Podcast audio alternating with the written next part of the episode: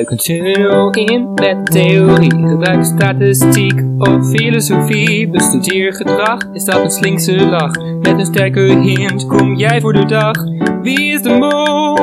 Oh, we vinden hem niet. Er is totale tunnelpaniek. Totale tunnelpaniek. Hallo lieve luisteraars en welkom bij Totale tunnelpaniek. Dankjewel Robbe. Vandaag gaan Dennis, Jan, Lars en ik de tiende aflevering van het 21ste Wie is een Mol seizoen bespreken. En uiteraard blikken we ook terug op het seizoen, bespreken we onze favoriete opdrachten en hebben we het natuurlijk over de molacties van René en de beste hints en natuurlijk de uitslag van de competitie. Ja Lars, jou gaan we zo uitlachen. Maar ik wil eerst eventjes naar Jan. Want Ja. Jan, jij hebt nu het hele seizoen lang heb jij alle, bijna alle goede hints naar René heb jij besproken. Ja. Jij, hebt, jij bent een, een, een, een fanatiek voorstander geweest van het moldel. Daar was je helemaal lyrisch over. Klopt, Dat hij altijd in de finale naar de juiste mol wijst. En uiteindelijk kies je voor Rocky. Ja. Leg dat even uit. Nou, ik wil eerst eh, Dennis en jou even feliciteren met jullie, eh, dat jullie toch de juiste keuze hebben gemaakt. Thank you. Laat ik dat voorop stellen. Toch één Ehm, aflevering eh, goed gezeten. Ja, precies. Nou, ehm, ja, dus eh, je raakt hele, hele gevoelige punten, heb je nu aangekaart eh, van mij. Ja, ja, het, ja ik, ik was een beetje verward eigenlijk, moet ik zeggen, gisteren. Ik was, was echt, ik dacht, ik moet 112 bellen, dit gaat niet goed. Maar ik, ben nu, ik was eerst eigenlijk een beetje een soort van bozig op René. Maar nu ben ik eigenlijk meer boos op mezelf. Omdat ik denk van, oké, ik heb... eh, ik, maar, kijk, dan wil ik dus nu niet de schuld geven aan Daan Achternaam. Dat hij me heeft omgepraat om voor Rocky te gaan. Want daar heb ik gewoon zelf voor gekozen. Maar ik ben gewoon een beetje teleurgesteld in mezelf. Dat ik eigenlijk al die dingen dan aan de kant heb geschoven. Het model inderdaad, zoals je al noemt. Al die geweldige hints. En eigenlijk ook gewoon de molacties van René. Die we eigenlijk al best wel goed... De meeste hebben we eigenlijk wel al genoemd, denk ik. Dus ja, dat Ja. ik die allemaal aan de kant heb geschoven. En dan toch voor Rocky heb gekozen. Ja, het was meer... Ja, ja, Eigenlijk zeg komt het dus allemaal door Daan, die eh, mensen misschien nog wel kennen van het eerste seizoen van Totale Tunnelpaniek. Nou ja, je, je hebt niet goed naar mij geluisterd, Tigo. Want ik wou net zeggen dat ik daar niet de schuld wilde geven. Maar eigenlijk komt, Eigenlijk het, wel het een, eigenlijk komt het wel een soort van Daan. Want hij was toch wel de leider van de Rocky-groep. Maar ja, hij heeft gewoon hele niet te weerleggen theorieën.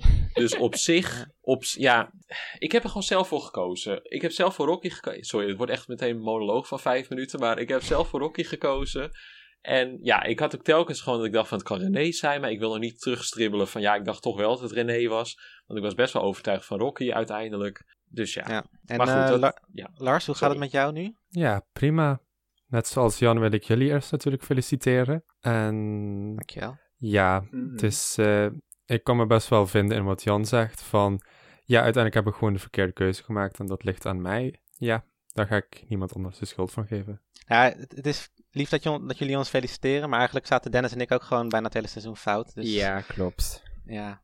Als we allemaal kandidaten waren geweest in het seizoen, hadden we er, waren we echt de, de eerste vier die eruit lagen of zo. ja. ik niet hoor. Want het was ook niet zo'n hele slimme groep, had ik het idee. Nou, Ja, dat Vond is, ik het, het is toch wel anders als je natuurlijk echt in de groep zit en alles meemaakt, eh, dan dat je het vanaf een tv-scherm ziet natuurlijk. Maar wat vonden ja. jullie van René als mol? Wil je eh, positief of negatief beginnen? Nou, je moet eigenlijk eerst positief beginnen en dan negatief en dan uiteindelijk nog iets positiefs. Oké, dan begin ik Begin waarschijnlijk. Dennis maar. Ja. nou, ik, ik, ik vond het echt super leuk, maar dat was dus ook omdat ja, voor mij Rocky wel een beetje een vreesmol was. Dus ik was eigenlijk de hele tijd een beetje bang van, oh, straks is het, is het toch Rocky. En dan, dan, ga ik het misschien helemaal niet leuk vinden. En dat, dat vind ik ook niet leuk, want ik, ik wil het heel graag leuk vinden. En toen was het René en ja, eigenlijk ook gewoon qua acties en hoe ze haar molbiechten deed, dacht ik echt van, ja, dit is, dit is gewoon leuk om, om naar te kijken, los van hoe goed ze, ze is als mol. Ja. Het, is, het, ja, het was voor mij gewoon een prima seizoen. Goede opdrachten. We hebben eh, een leuke kandidatengroep gehad. eh, leuke mol. Eh, ja, weet je, wat, wat wil je nog meer? ja, Splinter als mol. Jan, jij, jij bent wat negatiever. eh, Nou, ehm, ik, ik heb het een beetje bijgesteld. Want gisteren dacht ik wel, bij die ontknoping dacht ik wel van... En toen werden die molacties besproken. Ik dacht wel een beetje van, ja, oké, is dit het nou? Maar ik heb vandaag voor de, voor de opname heb ik weer de aflevering of de ontknoping weer een keer gekeken met alle molacties en ook de extra molacties die online stonden. En toen dacht ik, ja, René heeft het wel gewoon degelijk gedaan. Eh, ook vaak, gewoon wat we te zien kregen, heeft ze eigenlijk wel dat ze op die positie stond, heeft ze er wel het meeste er soort van uitgehaald. En ze heeft ook nog wel wat gedurfde dingen gedaan. Dus, nou ja, Dennis die vindt het helemaal geweldige mol. Ehm, en ik Ja. denk van, nou, ze is gewoon degelijk. En ik vond het verder leuke opdrachten, leuke kandidaten. Dus voor mij is het gewoon een leuk seizoen. Maar niet met een topmol verder. Nou ja, dus ja, een beetje laagste pot ooit, hè? de mol, ik. Wat la- zeg je? Laagste pot ooit. Beste mol ooit. Ja, toen zat ik wel eens een Ja, schuimbek hoor, toen Rick Ik dat vond, het wel mooi dat René, ik vond het wel mooi dat René toen zei van... Ja, dat ligt niet per se alleen aan mij. Dat ligt ook aan mijn medekandidaten. Ja, met ja, de ja. focus op eh, Marije, Charlotte en Rocky. Ja, dus dat, kon ik wel echt waarderen aan eh, Ja. René. Ja, dat is ook gewoon zo.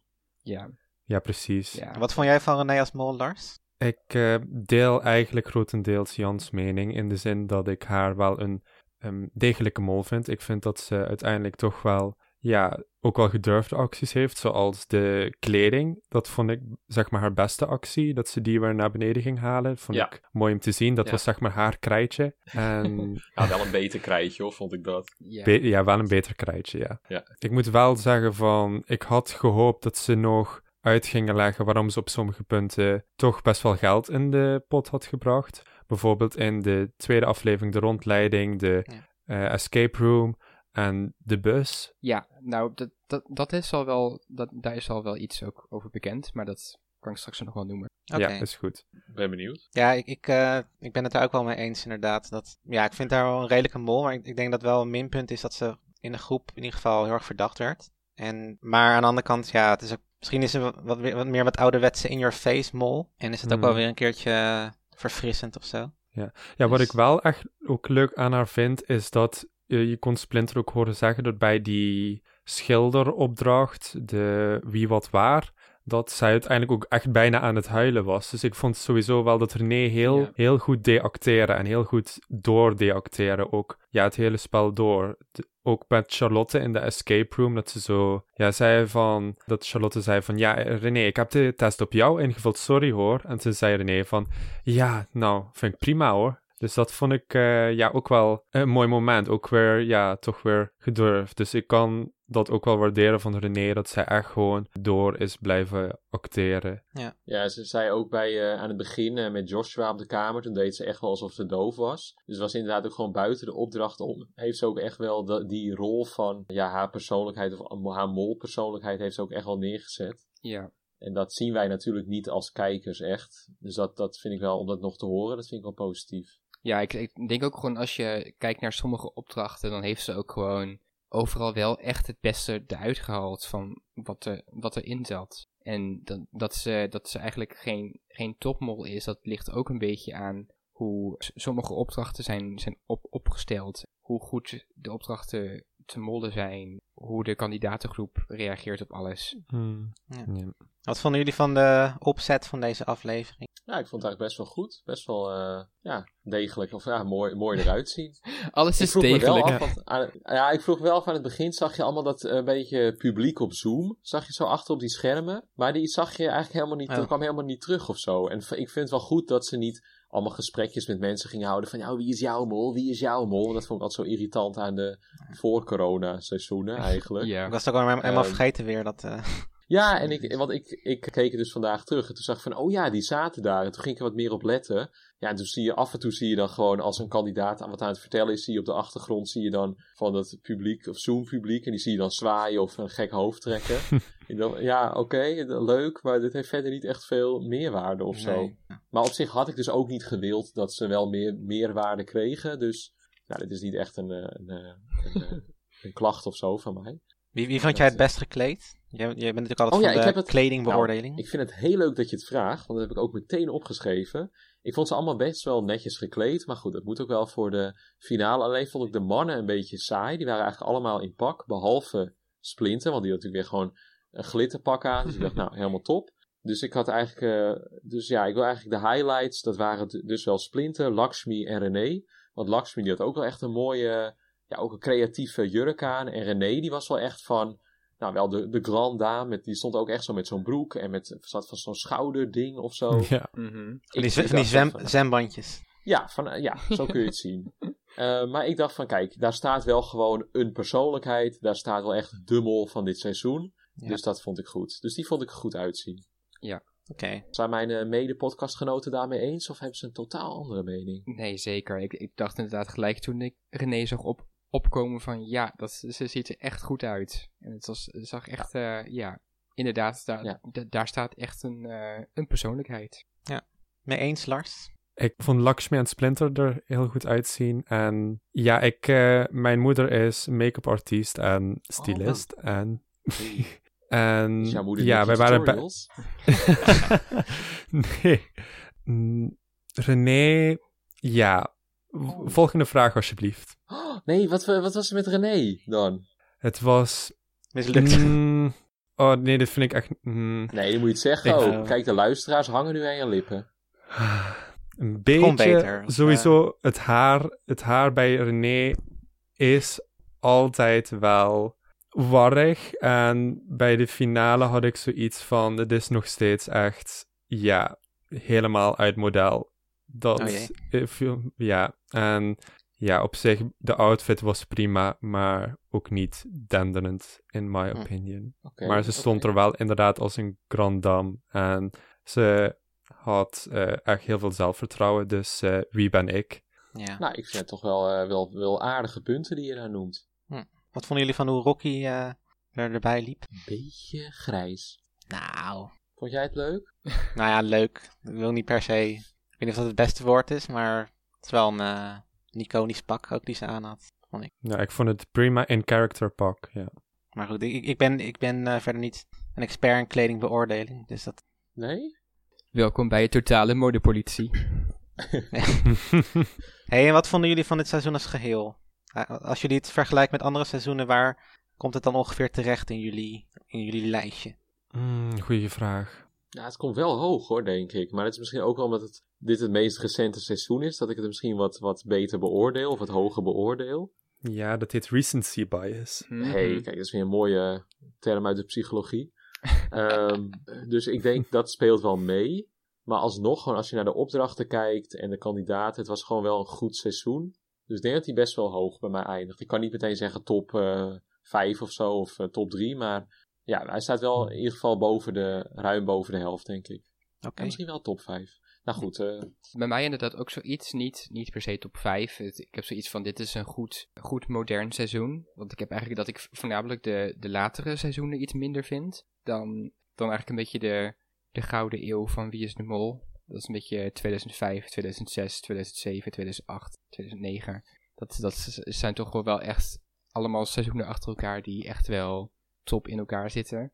En Hm. ik, ik denk dat het daar net niet aan topt. Maar het is wel, zeg maar, als ik het vergelijk met 2020 of 2019 eh, of 2016 en 15, dan, dan eh, komt het daar ze- Ja. zeker boven. Dat heeft te maken met de kwaliteit van de opdrachten of met de kandidaten? Of... Dat heeft voornamelijk te maken met de kwaliteit van de opdrachten. Het was echt wel verfrissend dat ze weer echt avontuurlijke opdrachten erin hadden zitten. Echt spannende opdrachten. Ja, ze, ze hebben echt wel de mogelijkheden aange- ja, aangegrepen om, om die er weer een beetje in te gooien. En ik vond het ook echt wel een hele leuke kandidatengroep. Ik had eigenlijk niemand waar ik me echt aan irriteerde dit seizoen. En er zit, over het algemeen zit er elk seizoen wel in ieder geval één iemand tussen waarvan ik denk van nou, jij mag er nu wel uit. oké. Ik had wel toen ik, eh, toen ik Erik de Zwart zag zitten en ehm, Remco, ik echt wat zoiets had van, oh ja, die deed ook nog mee. Die was ik Ja, weer het- vergeten. Ik vond het op zich wel jammer dat Remco er eigenlijk als eerste uitlag. Want ik vond Ja. dat hij bij de ontknoping best wel leuke opmerkingen had. Had Ja. ik liever gewoon Florentijn als eerste afvallen gehad of zo. Ja. Mm. Maar alsnog had ik Remco niet bij de laatste vijf of zes willen hebben hoor. Maar van mij had hij wel een paar afleveringen nog doorgemogen. Ja. Oké. Ik ben eigenlijk wel benieuwd naar jullie, eh, jullie drie favoriete opdrachten van dit seizoen. Dus ja, Lars, wat zijn jouw drie favoriete opdrachten? Nou, sowieso vond ik de thematiek van de Blacklight Ballerinas heel leuk. Ja. Ehm, Samen met, zeg maar, ook de opzet van, ja, dit is gewoon best wel spannend. Je weet niet goed eh, wat er gebeurt, helaas. Dat vond ik wel wat minder aan de opdracht, dat je geen overzicht kreeg. Je kon wel heel even op die kaart kijken en daar zat ook dus daadwerkelijk een hint in verborgen. Ja, Ehm, straks maar ja, hebben. Precies. Eh, maar dat vond ik dus wel echt een opdracht waarvan ik denk van ja, daar, die, zo'n opdracht mag er wel vaker in zitten, alleen dan zonder de random jokers die overal verspreid zijn. Goed. Oké. Wat was nog meer? Ik zou eigenlijk willen zeggen van dat ik het... Ja, eigenlijk vind ik het rad best een leuk idee, best een leuk concept. Alleen zou ik dat hebben geplaatst op de plaats van de veiling. Ja, ik vind dat toch op zich een soort van kansspelachtig iets waarbij je toch psychologisch, psychologische inbreng hebt op je medekandidaat. Vind ik toch wel altijd heel spannend van wat gaan ze doen en wat gaan ze niet doen. Ja. dus Zoiets, ja, zoiets mag er voor mij ook wel in zitten, maar dan op een beter moment. Wat trouwens nog had gekund bij dat rad bijvoorbeeld, dat je dus inderdaad het combineerde met die bieding. En dat je eigenlijk misschien, dat er wel zo'n soort van volkennis voor de volgende opdracht in zat op dat rad. En dat je misschien met geld geven of zo je kans daarop kon vergroten. Dat er een soort wel van combinatie in zat van dat er toch geld uit de pot ging, maar dan niet zo random zoals het nu gebeurde van ja oké, 5000, dat was de enige opdracht. Dat je misschien Ja. dat kon combineren. Ik weet niet hoe jullie daarover denken. Of gewoon geen veiling. Ja, mee eens, geen Ik veiling. begrijp niet helemaal hoe je het voorziet. Nee, ik ook niet, maar dat was gewoon een hersenspinsel wat nu opeens binnenkwam. Maar goed, eh, Lars, eh, ga verder. En dan sowieso een opdracht die ook gewoon heel leuk was in de opzet, was de gevangenis. En het, eh, dat de verschillende mensen in ver- verschillende vleugels zaten en dat ze zeg maar hun eigen deelopdrachten hadden. Ja. Ja, dat, dat vond ik ook bij zeg maar de eh één na laatste opdracht van dit seizoen. Gewoon deelopdrachten mogen gewoon terugkomen en... Dan, ja, dan, dan is er ook bij die gevangenis was er ook een groter geheel waar ze samen naartoe mo- moesten werken. Dat vond ik wel... Ja, dat is, is toch wat gelaagder. Dat mag wel wat meer in Wie is de Mol. Oké. En eh, jij, Dennis? Ja, nou, ik heb eigenlijk best wel een duidelijke top 3. Op, op 3 de, de opdracht met de kledingstukken omhoog hijsen. Ik vond dat eigenlijk, ik kon me nog herinneren toen ik het voor het eerst zag, dat ik niet gelijk dacht van, oh, leuke opdracht, spannend. Maar toen het uiteindelijk bezig was en ook ja, met het bespreken erbij, dat eigenlijk is het gewoon een hele goede opdracht. Want juist ook omdat je op al die posities heel goed kon mollen. En, en het was natuurlijk op zich wel een mooi beeld met al die kledingstukken. En ze hadden de geschiedenis en de cultuur van Tsjechië hebben ze er een beetje, beetje in verwerkt. Ja, daarom heette de Mhm. opdracht natuurlijk ook steengoed. Ja, ja het, het was een eh, steen, steengoede opdracht. Ja. Dus ja, eigenlijk op, op al die vlakken dacht ik eh, uiteindelijk van ja, dit is eigenlijk wel echt een topopdracht. Dus, eh, dus die, die zou ik op drie zetten. Op twee heb ik eh Kameraad. Ik vond echt wel, Ja. eh, dat is ook zo'n opdracht waar ze volgens mij duidelijk veel, veel moeite in hebben gestoken. Het was leuk dat ze echt ja, allemaal verschillende hints hadden die, eh, die naar één ding wezen, wat, wat ook gewoon klopte en wat met het seizoen te maken had. De thematiek was superleuk, de locatie was leuk. Eh, ze hadden John van Eert na- natuurlijk als, als stem geregeld hiervoor. Ja. En, en ze hebben natuurlijk mijn, mijn concept overgenomen van het belonen van kandidaten die geld verdienen door een joker. Heb- De winstjoker. de winstjoker Oh, ja. he- hebben ze daar gebruikt. Nou, Dus, Jeetje, wat leuk. Ja. dus ja, dat is ook. Ja, en dan ook, eigenlijk ook nog dat ze met de testantwoorden bezig waren. Dat er toch een soort van extra spanning in zit voor de kandidaten. Brengt toch wel dat dit eh, ook wel een eh, vrij geniale opdracht was. En op één Mhm. natuurlijk de Blacklight Ballerina's. Ja, Ik bedoel, dat was toch gewoon super tof. ja, toen- zeker. Tot nu toe hebben jullie allemaal andere opdrachten dan ik. Dus, eh, Oh, dat is goed. Maar ik ben benieuwd wat jij hebt, Jan. Eh, nou, mijn lijstje komt best wel overeen met die van Lars en eigenlijk ook wel van Dennis, dus soort van. Maar ik wil ook wel even props geven naar natuurlijk dit seizoen met de opdracht. En ook met, natuurlijk, dit is allemaal met corona opgenomen. Het was natuurlijk toen wel iets minder erg dan dat het nu is en dan aan het begin. Maar ik vind het toch best wel knap dat ze eigenlijk best wel zo'n steady seizoen hebben kunnen weten neer te zetten met al deze beperkingen. Dus ja, dat, dat vind ik wel heel goed.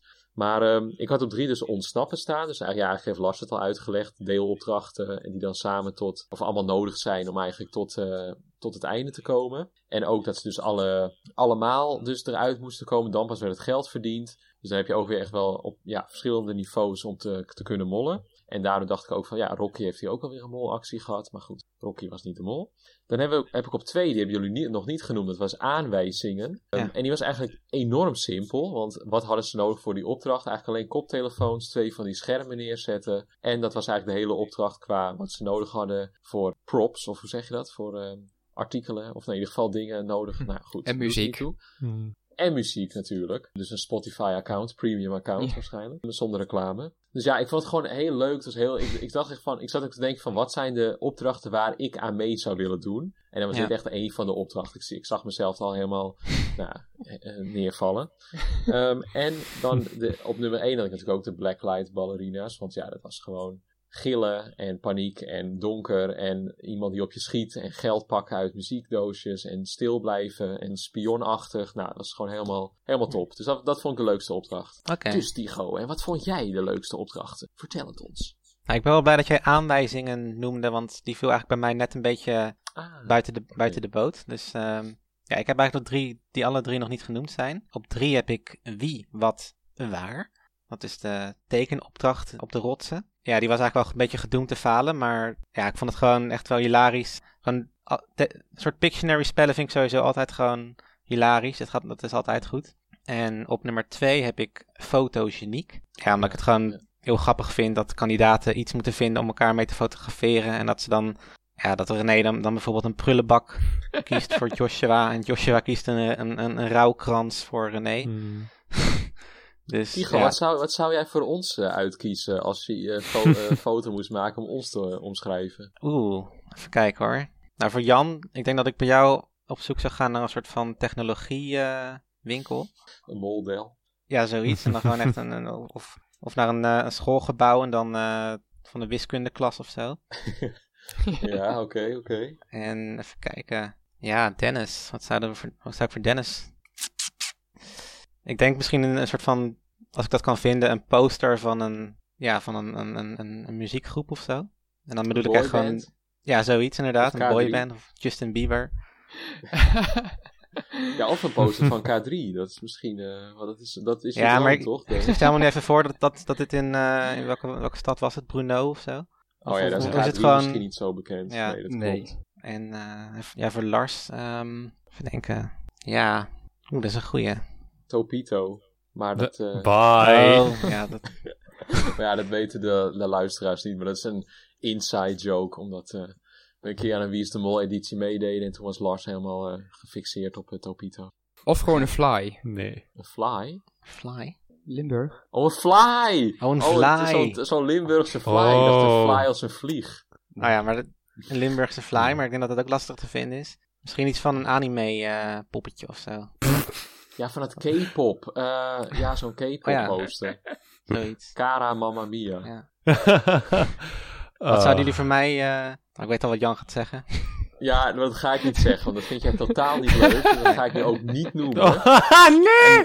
Dat kan niet. Nee, ik weet, ik weet wat je wilt zeggen. En ik weet, Lars, jij moet ook niet dat ene bij mij zeggen, want dat vind ik ook echt niet leuk als je dat nu gaat Nee, zeggen. dat ga ik ook niet zeggen. Oké, maar goed, bij Tigo dus, ehm, nou dat dus niet. Dus de luisteraars, als jullie ons geld geven, dan... Nee, nee dat is niet sowieso. Nee, grapje. Ehm, ik denk bij Tigo iets met taal of zo, dat je, omdat je natuurlijk best wel taal, een taaltovenaar, misschien een tovenaar, een knuffel van een tovenaar en dan iets met taal, dat je een soort van daar een combinatie van maakt. Jeetje, Ja, wat een, zoiets voor eh. Wat een abstracte verwijzing. Ja, of gewoon iets half Egyptisch. Oh ja, ja. dat kan ook. Ja. Dus een halve piramide of zo. ja. Ja, dat is wel een goeie. Ja, ja je, je- je hebt ook wel gewoon van die piramide snoepjes, van die dropjes. Ik weet, ik, ik weet niet of, Ja, ze- of ze die in, in Tsjechië ook hebben hoor, maar ik denk het niet eigenlijk. je de want- helft gewoon op. Ja. Nee, maar wel een goede, goede vraag. Dus daarom vind ik dit ook een leuke opdracht. Omdat je, ja, inderdaad, je hebt dan, ik weet niet hoe lang ze hadden, een half uurtje of zo.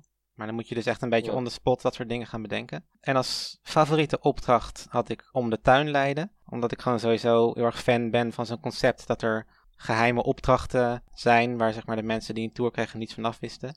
Ja, het was dit keer ook gewoon heel droog. Omdat Joshua eigenlijk de boel een beetje in het honderd liet lopen. En Florentijn zoiets had van oké, wat moet ik hiermee? En nou ja, dus... ehm, Ja, en wat was de molactie van René hier bij deze opdracht? Want dat hebben we niks, daar hebben we niks van gezien. Ja, de molacties die gaan we nu eventjes eh, bespreken. Nou, beginnen we bij aflevering 1 met Door een Deur. Ja, goed. Nou ja, wat, wat was de molactie van René er ook alweer? Ja, molactie.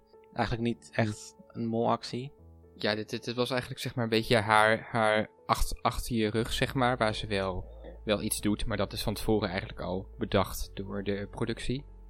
Ja, en natuurlijk die kaars stond daar nog. Eh, dat was dan een geheime aanwijzing dat als je die voor de, voor de envelop hield, dan verscheen er een tekst op. Maar die zullen we later even bespreken. Maar ik vond het Ja. wel leuk dat ze dat dus daar al... Dat je eigenlijk in de laatste opdracht kwam die kaars terug. En nu in die eerste opdracht stond die kaars er ook al. Dus dat vind ik wel leuk omdat ze dat dus eigenlijk verbonden hebben. Ja. Nou ja, de tweede opdracht dan, Vriend of Vijand. Daar was René natuurlijk, speelde ze de dove, de dove oude vrouw. Ja. Dat deed ze best veel, toch? Ja, maar Mhm. ik, ik denk dat dit wel echt eh, een van haar steropdrachten was als mol. Ja, dat was ook eigenlijk, eh, best- best wel vol in beeld al toen. Ja. Ja. Ja, ze Ja. heeft hier best wel veel, veel gemold en best wel duidelijk. En ja, eigenlijk hou ik er ook wel een beetje van. Want het doet me ook een beetje denken aan, eh aan Yvonne Jaspers. Die, eh, die, die, die ook e- eigenlijk elke keer zoiets had van... Nou, moet ik mollen? Nou, dan ga ik mollen. Ja, ze begon goed. Ja, en dat, dat, dat, dat gevoel had ik bij deze opdracht ook een beetje van. Dat, dat ze eigenlijk gewoon dacht van... Nou, ik ben de mol, dus eh, weet je wat? Ik ga mollen. Keihard. Ja, en dat is ook wel het grappige eigenlijk, dat wij gewoon zo misschien gewend zijn inmiddels aan de wat meer subtielere mol. Die, die in het begin eerst een beetje vertrouwen probeert te wekken. Dat het daarom, juist omdat zij nu dit keer zo, in de eerste aflevering al zo ja, overduidelijk ging mollen. Dat wij zoiets hadden van, nou dan is zij de mol in ieder geval niet. Ja, want daarom ging, uit, ging ik uiteindelijk ook voor Rocky. Want ik zei nog in de vorige aflevering van ja, dus de molacties gingen opnoemen van Rocky en René. Dan hadden ze bij René allemaal best wel concrete dingen. En bij Rocky hadden ze eigenlijk niet zoveel. En toen zei Dennis van ja, er, er is niks van Rocky. Maar toen dacht ik eigenlijk van ja, dit, is te, dit ligt te veel voor de hand of zo. Van dat ze dan bij Rocky heel vage dingen laten zien. Want dan kunnen ze in aflevering 10 een hele lijst met molacties laten zien. Maar Ja. goed, dat is dus niet Maar gebeurd. uiteindelijk was het toch zo dat Rocky Remco neer had geschoten. Dus Ja, Ja. dat daar ben ik op zich wel blij omdat dat toch is gebeurd. Dat het niet helemaal eh, Aha. Ja, ja, eh, eh, uit de lucht is getrokken. Ja, terwijl Dennis, de- ja, dat eh gedebunked, toch? Ja, d- dat dacht ik wel, ja. Maar dat... Ja, hoe kwam jij in die info, Dennis? Had je het gewoon zelf bedacht of had je echt een credible source die dat jou had verteld? Nou, ja, ik, ik heb het wel van, eh, van Facebook af eigenlijk. Want ik... Ah, dat, ah, dat heb Ah, op Facebook Facebook. gestaan. Dat heb ik op Facebook gestaan, ja. Ja, nee, maar ik, ik, ik, ik, ik, eh, ik zit natuurlijk ook in allemaal van die Facebook groepen en zo om dingen te volgen voor, voor de podcast allemaal. Ja. Dus, Ja, eh, tuurlijk. Ja. Onderzoek. Ja, onderzoek. En nog over deze opdracht. Ik eh, vond dat René het goed deed. Ik vond het jammer dat ze Splinter niet kreeg afgeschoten. En op dat Ja. punt, ik heb nog op meerdere punten en verder in het seizoen waarvan ik dacht van... Misschien is René toch niet de beste molkeuze geweest, omdat het toch een heel actief seizoen is geweest. En ik had, ja, dan zou ik zeggen van er zijn mensen die beter hadden kunnen mollen in dit soort situaties. Hm. Eh, Ja, maar ze, ze heeft wel één iemand af, afgeschoten. Ja. En het is echt, volgens mij is het echt niet makkelijk om. Tenminste, ik, ik heb wel eens gelezen gamed en ik was er ook niet zo goed in. Dus volgens mij is Ik het, was toen laatst een keer. vol- vol- volgens mij is het ook echt, echt niet heel makkelijk. Ik vond het juist wel super grappig dat ze, dat ze die poging deed en dat het, dat het gewoon zo hilarisch fout gaat. eh, Bij Splinter Ja. in ieder geval. Dat kon ik inderdaad ook wel waarderen. Dat ze ook lieten zien dat het gewoon misging op sommige punten. Ja. Ja. Dat eh, is ook wel een, een breath of fresh air vergeleken met eh, vorige seizoenen, waarbij het alleen maar opgehemeld werd en alleen maar lukte. Dat klopt. Nou, dan gaan we naar aflevering 2 om de tuinleden. Ja, dat kwam ook niet in beeld, maar ik wil het toch nog even over hebben. Want Ja, ja, wa- waarom zou je als mol... Ze, uiteindelijk had ze dus heel makkelijk op dat moment voor geen geld kunnen zorgen. En dan doet ze dat uiteindelijk niet. Dat vind ik toch... En, en- ze hebben het er ook helemaal niet meer over gehad verder. Dat vind ik ook een beetje jammer ergens. Maar Nee, ja, blijf ik, het toch ik, een beetje eh, vreemd vinden. ik, ik denk dat ze dat nog wel in, in interviews gaan uitleggen. Want het is inderdaad nog wel een vraag die nog, nog een beetje rond eh dwarrelt. Maar ja, ik, ik heb het nu, nog- nu nog niet, niet gezien bij deze opdracht wat, wat de uitleg hierbij is. Maar ja, ik, ik vermoed ergens gewoon dat ze, dat ze de opdrachten ook gewoon niet wist. ja, ik denk dus eigenlijk dat zij gewoon wel de lijst met opdrachten wist. Maar dat, omdat ze allemaal dat duimpje deden, dat zij misschien dacht van... Oh, dat duimpje is er vast ook, hé, maar dan ben ik die vergeten of zo. En dat ze daarom dat duimpje zei, omdat ze misschien dacht dat het wel een opdracht was. En dat ze daarom dus dat fout deed. Ja, dat kan ook. Maar het kan ook dat ze dacht van, maar dat is wel echt wel heel next level, echt eh 3000 IQ eh, nadenken. Want dat ze dan denkt van, dit is zo onmols wat ik nu doe, dat ik wel ja zeg, maar dan een verfoute opdracht noem. Dus dat is dan zo, een mol zou dat sowieso niet doen, dus ik ben dan toch weer niet de mol of zo. En, maar dan heb ik wel 700 euro verdiend, dus dat is dan wel een beetje hm, moeilijk voor een mol. Ja. Maar ja, dus Ja. het meest voor de hand lijkt me eigenlijk, liggen lijkt me eigenlijk dat ze het vergeten is. Of dat ze gewoon een fout heeft gemaakt. Oké. En wat vonden jullie van haar molactie bij de Blacklight Ballerinas? Hilarisch. Ja, dat vond ik best wel goed eigenlijk. Ja. Dat is wel prima, ja. Ook omdat ze zei van, ik heb er naar Jan Verstegen geluisterd. Of die heb ik zien mollen. Dus ik dacht van, ah, ze Ja. heeft wel een beetje de research gedaan. En natuurlijk van een hele goede mol, Jan Verstegen. Ja. Dus dat ze ten eerste die informatie dus fout ging, of eigenlijk van goed naar fout ging maken. Wat best wel, ja, met al die kandidaten erbij is het best wel een eh, gewaagd moment om dat fout te gaan zeggen. Ja. Ja. En natuurlijk omdat ze zo met dat geld aan het klungelen was en ja, dat ze met geld werd afgeschoten. Dus ja, ik vond best wel dat ze daar best wel goed, eh, goed gemold had in die opdracht. Ja, ook gewoon best wel, best wel effectief. Want ze zei ook van, ze was met wat 350 euro of zo afgeschoten. Dat is wel een, Ja. ja. Ja, zoiets. ja. Oké. En dan symbolisch bedrag met de vrachtwagens. Wat vonden jullie daarvan? Ze had verkeerde foto's doorgestuurd, toch? Ja, nee, ze, Ja. ze- ja, ze heeft gewoon, ja, de, de uitgehaald wat erin zat daar. Want dat natuurlijk, Ja. ze zat naast Joshua die op zich best goed oplette. Dus ze heeft Ja. eh, wel elke keer goed moeten inschatten van wanneer ze kon mollen en wanneer niet. Maar eigenlijk heeft Joshua haar ook laten mollen, omdat hij eigenlijk alles wilde doen. Hij wilde en die foto's maken en het in de gaten houden en goed kijken. Ja, Waardoor hij eigenlijk alles niet echt per se goed kon doen. Waardoor zij juist weer weer in staat was om dan te zeggen van ja, dit was een kruis, eh, hoeft niet. Ja, Dus ja, Ja. ik vond het ook best wel oké hier. ja. Oké, en dan aflevering 3. Dus volgens mij hebben ze die compleet overgeslagen. Of in ieder geval het begin met kameraad. Dat ze uiteindelijk wel ontsnapte samen met Charlotte. Daar hebben ze het niet over gehad. Nee. Nee. En ja, dan heb je dus binnenvaart en de rode draad. Ja, goed. Nou ja, daar is dan uiteindelijk ook geld verdiend. Ja, dat, dat was dus een van de extra molacties die ze op de site hebben gezet. Oh. En daar zei ze ook eigenlijk van, ja, dat was eigenlijk heel raar. Want eigenlijk kiest de kandidaat hier tussen 500 euro verdienen of een vrijstelling. En ze was er dus van uitgegaan dat iedereen voor een vrijstelling had gekozen. Hm. En ja, e- eigenlijk zegt ze ook van, wat, wat doet deze groep nou raar? Van, ze- gaan ze nou echt 500 euro willen verdienen voor, voor een vrijstelling? Dus eigenlijk heeft ze Ja. gewoon precies gedaan wat, wat de mol kon doen. En dat was gewoon iedereen overtuigen van, we moeten voor het geld gaan. En we moeten dat, dat doorgeven aan onze, gewoon eerlijk doorgeven aan onze duo-partners. Zodat de duo-partners weten in welke koker geld zit. Zodat ze die dus zelf kunnen houden en daarmee de vrijstellingen kunnen verdienen. Ja, dit is toch... Ik, ik zou zelf als mol eerder bij de upstyle groep hebben gezeten. Ja, ik ook. En dat is ook net wat ik op opdracht eh, met de eerste lasergame zei, van dat ik toch, ja, denk van als daar, ja, dit is René, die zou ook wel op kunnen hebben geupsiled. Maar ja, daar zou ze niet 1, 2, 3 misschien ingedeeld zijn door de groep, dat weet ik niet. Maar hier heb ik ook weer zoiets van, dit is een gemiste kans, dit is... Dit, Ja. dit vind ik, ook toen ik dit ook zag bij de extra opdrachten, toen ik dat filmpje keek, had ik zoiets van, ja, dit is mager.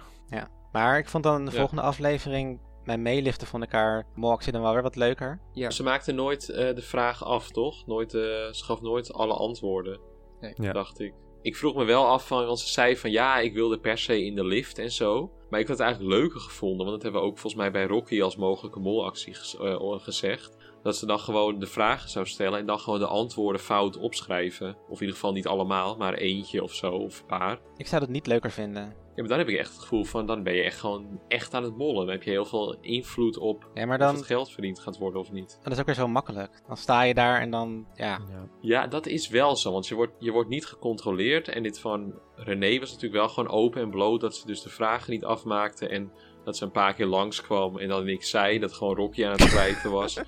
en dat ze gewoon weer wegging. Dus ja, op dat zich, was eigenlijk was dit wel, je hebt wel, je hebt een goed punt. Het, is- dit was eigenlijk leuker dat ze in die lift stond. Mhm. Ja. Nou, dan gaan we naar aflevering 5. Wie, wat, waar. De tekenopdracht. Ja, dit was de gedoemde mislukken opdracht. Ja. Dus Ja, Ze had wel gezegd van ja, ik heb werkwoorden uit mijn hoofd geleerd die niet op de watkaartjes stonden. Maar ja. ja, het was inderdaad, het mislukte het sowieso. Dus ja, ze hoefde niet te mollen. Nee, Nee. maar dat is dus ook weer, dat, dat ligt niet aan René eigenlijk, maar gewoon aan de opdracht. Ja. Ja. Oké, en dan, eh, ja, dan komen we weer bij ons, ons favoriete moment van dit seizoen. De veiling. Ik snap het dus ook wel. Weet je, aan de ene kant vind ik het ook heel jammer dat de mol niet zeg maar bij het maximum bedrag was. Maar ik snap ook wel dat ze zegt van ja, als er al, als er al drie mensen 5000 uit de pot halen, ja, prima. Ja, want ze wilde Ja. dus wel het hoogste bedrag doen. Dat zei ze van tevoren wel. Ja, Maar toen Ja. kwam opeens 5000, dus ja, wat kan je dan nog doen eigenlijk? Klopt. Maar ik denk wel dat, ja, dit is natuurlijk een relatie tot de oorlog die daarna kwam. Dat dit toch wel een enig Ja. zure, zuur einde had. Ja, de hashtag Justice for Joshua is dus toch, toch een ding. Ja, en ze heeft Eh. zichzelf buitenspel gezet bij opdracht 3. En inderdaad, dat Ja. Joshua best wel oneerlijk uit het spel is gegaan.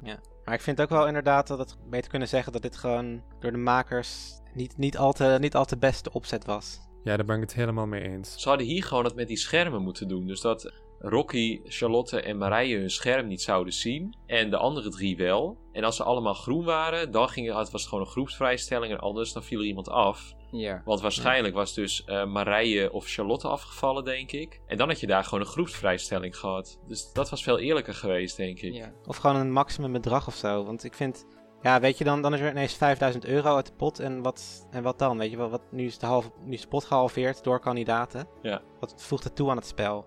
Ja, het is, het is ook eigenlijk gewoon een situatie waarbij je eigenlijk alleen maar verliezers hebt. Want wat ik eigenlijk ook zei van als de mol zeg maar in zijn eentje het hoogste bedrag doet, dan krijg je ook weer de kritiek van ja, dit is eigenlijk, eigenlijk een veel te makkelijke molactie. Want je hoeft alleen maar te zeggen van nou, ik, ik wil 5000 euro eruit. Oké, dan. Oh, wat, wat een goede molactie weer. Wat heb je goed gemold. Ja. En het ding is ook, weet je, kijk, want je hoort Rocky ook op een gegeven moment zeggen dat dat geld haar gewoon helemaal niet boeide. Dat ze gewoon door wil. Hmm. Maar dan, ja, dan ga je ook wel een beetje nadenken van, ja, weet je, wat heeft, dan allemaal nog, wat heeft dat mollen nog voor zin? Als de kandidaten zomaar eh, met de vingers knippen en 5000 euro uit de pot spelen. Precies. Terwijl het hele doel van het spel is dat de mol juist moeite moet doen om geld uit de pot te halen. Ja, Ja, daarom is het handiger om, of ja, beter om dan de troeven aan het geld te koppelen, inderdaad. Zoals eh, Dennis zei bij, de, bij kameraden. Dus dat eigenlijk ook meer moti- in- intrinsieke motivatie is om echt voor dat geld te gaan. Want ja, dat zijn mensen die eigenlijk, ja, die zijn al vrij beladen. Ja. Dus eh, die hebben eigenlijk de, de prijzenpot niet eens nodig. Die, dat vond ik ook wel jammer uiteindelijk. Van, er waren meerdere momenten waarop eh, Rocky eigenlijk niet voor het geld ging uiteindelijk. Dus ja. Ja, Nou ja, laten we dan maar doorgaan naar eh, de busopdracht.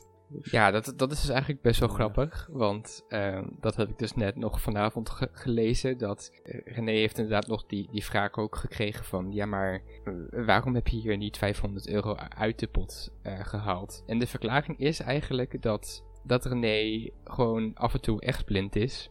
En ze heeft, gewoon niet, ze heeft gewoon echt niet gezien dat dat een optie was. Oh, wauw. Nee. oké. Dat is wel...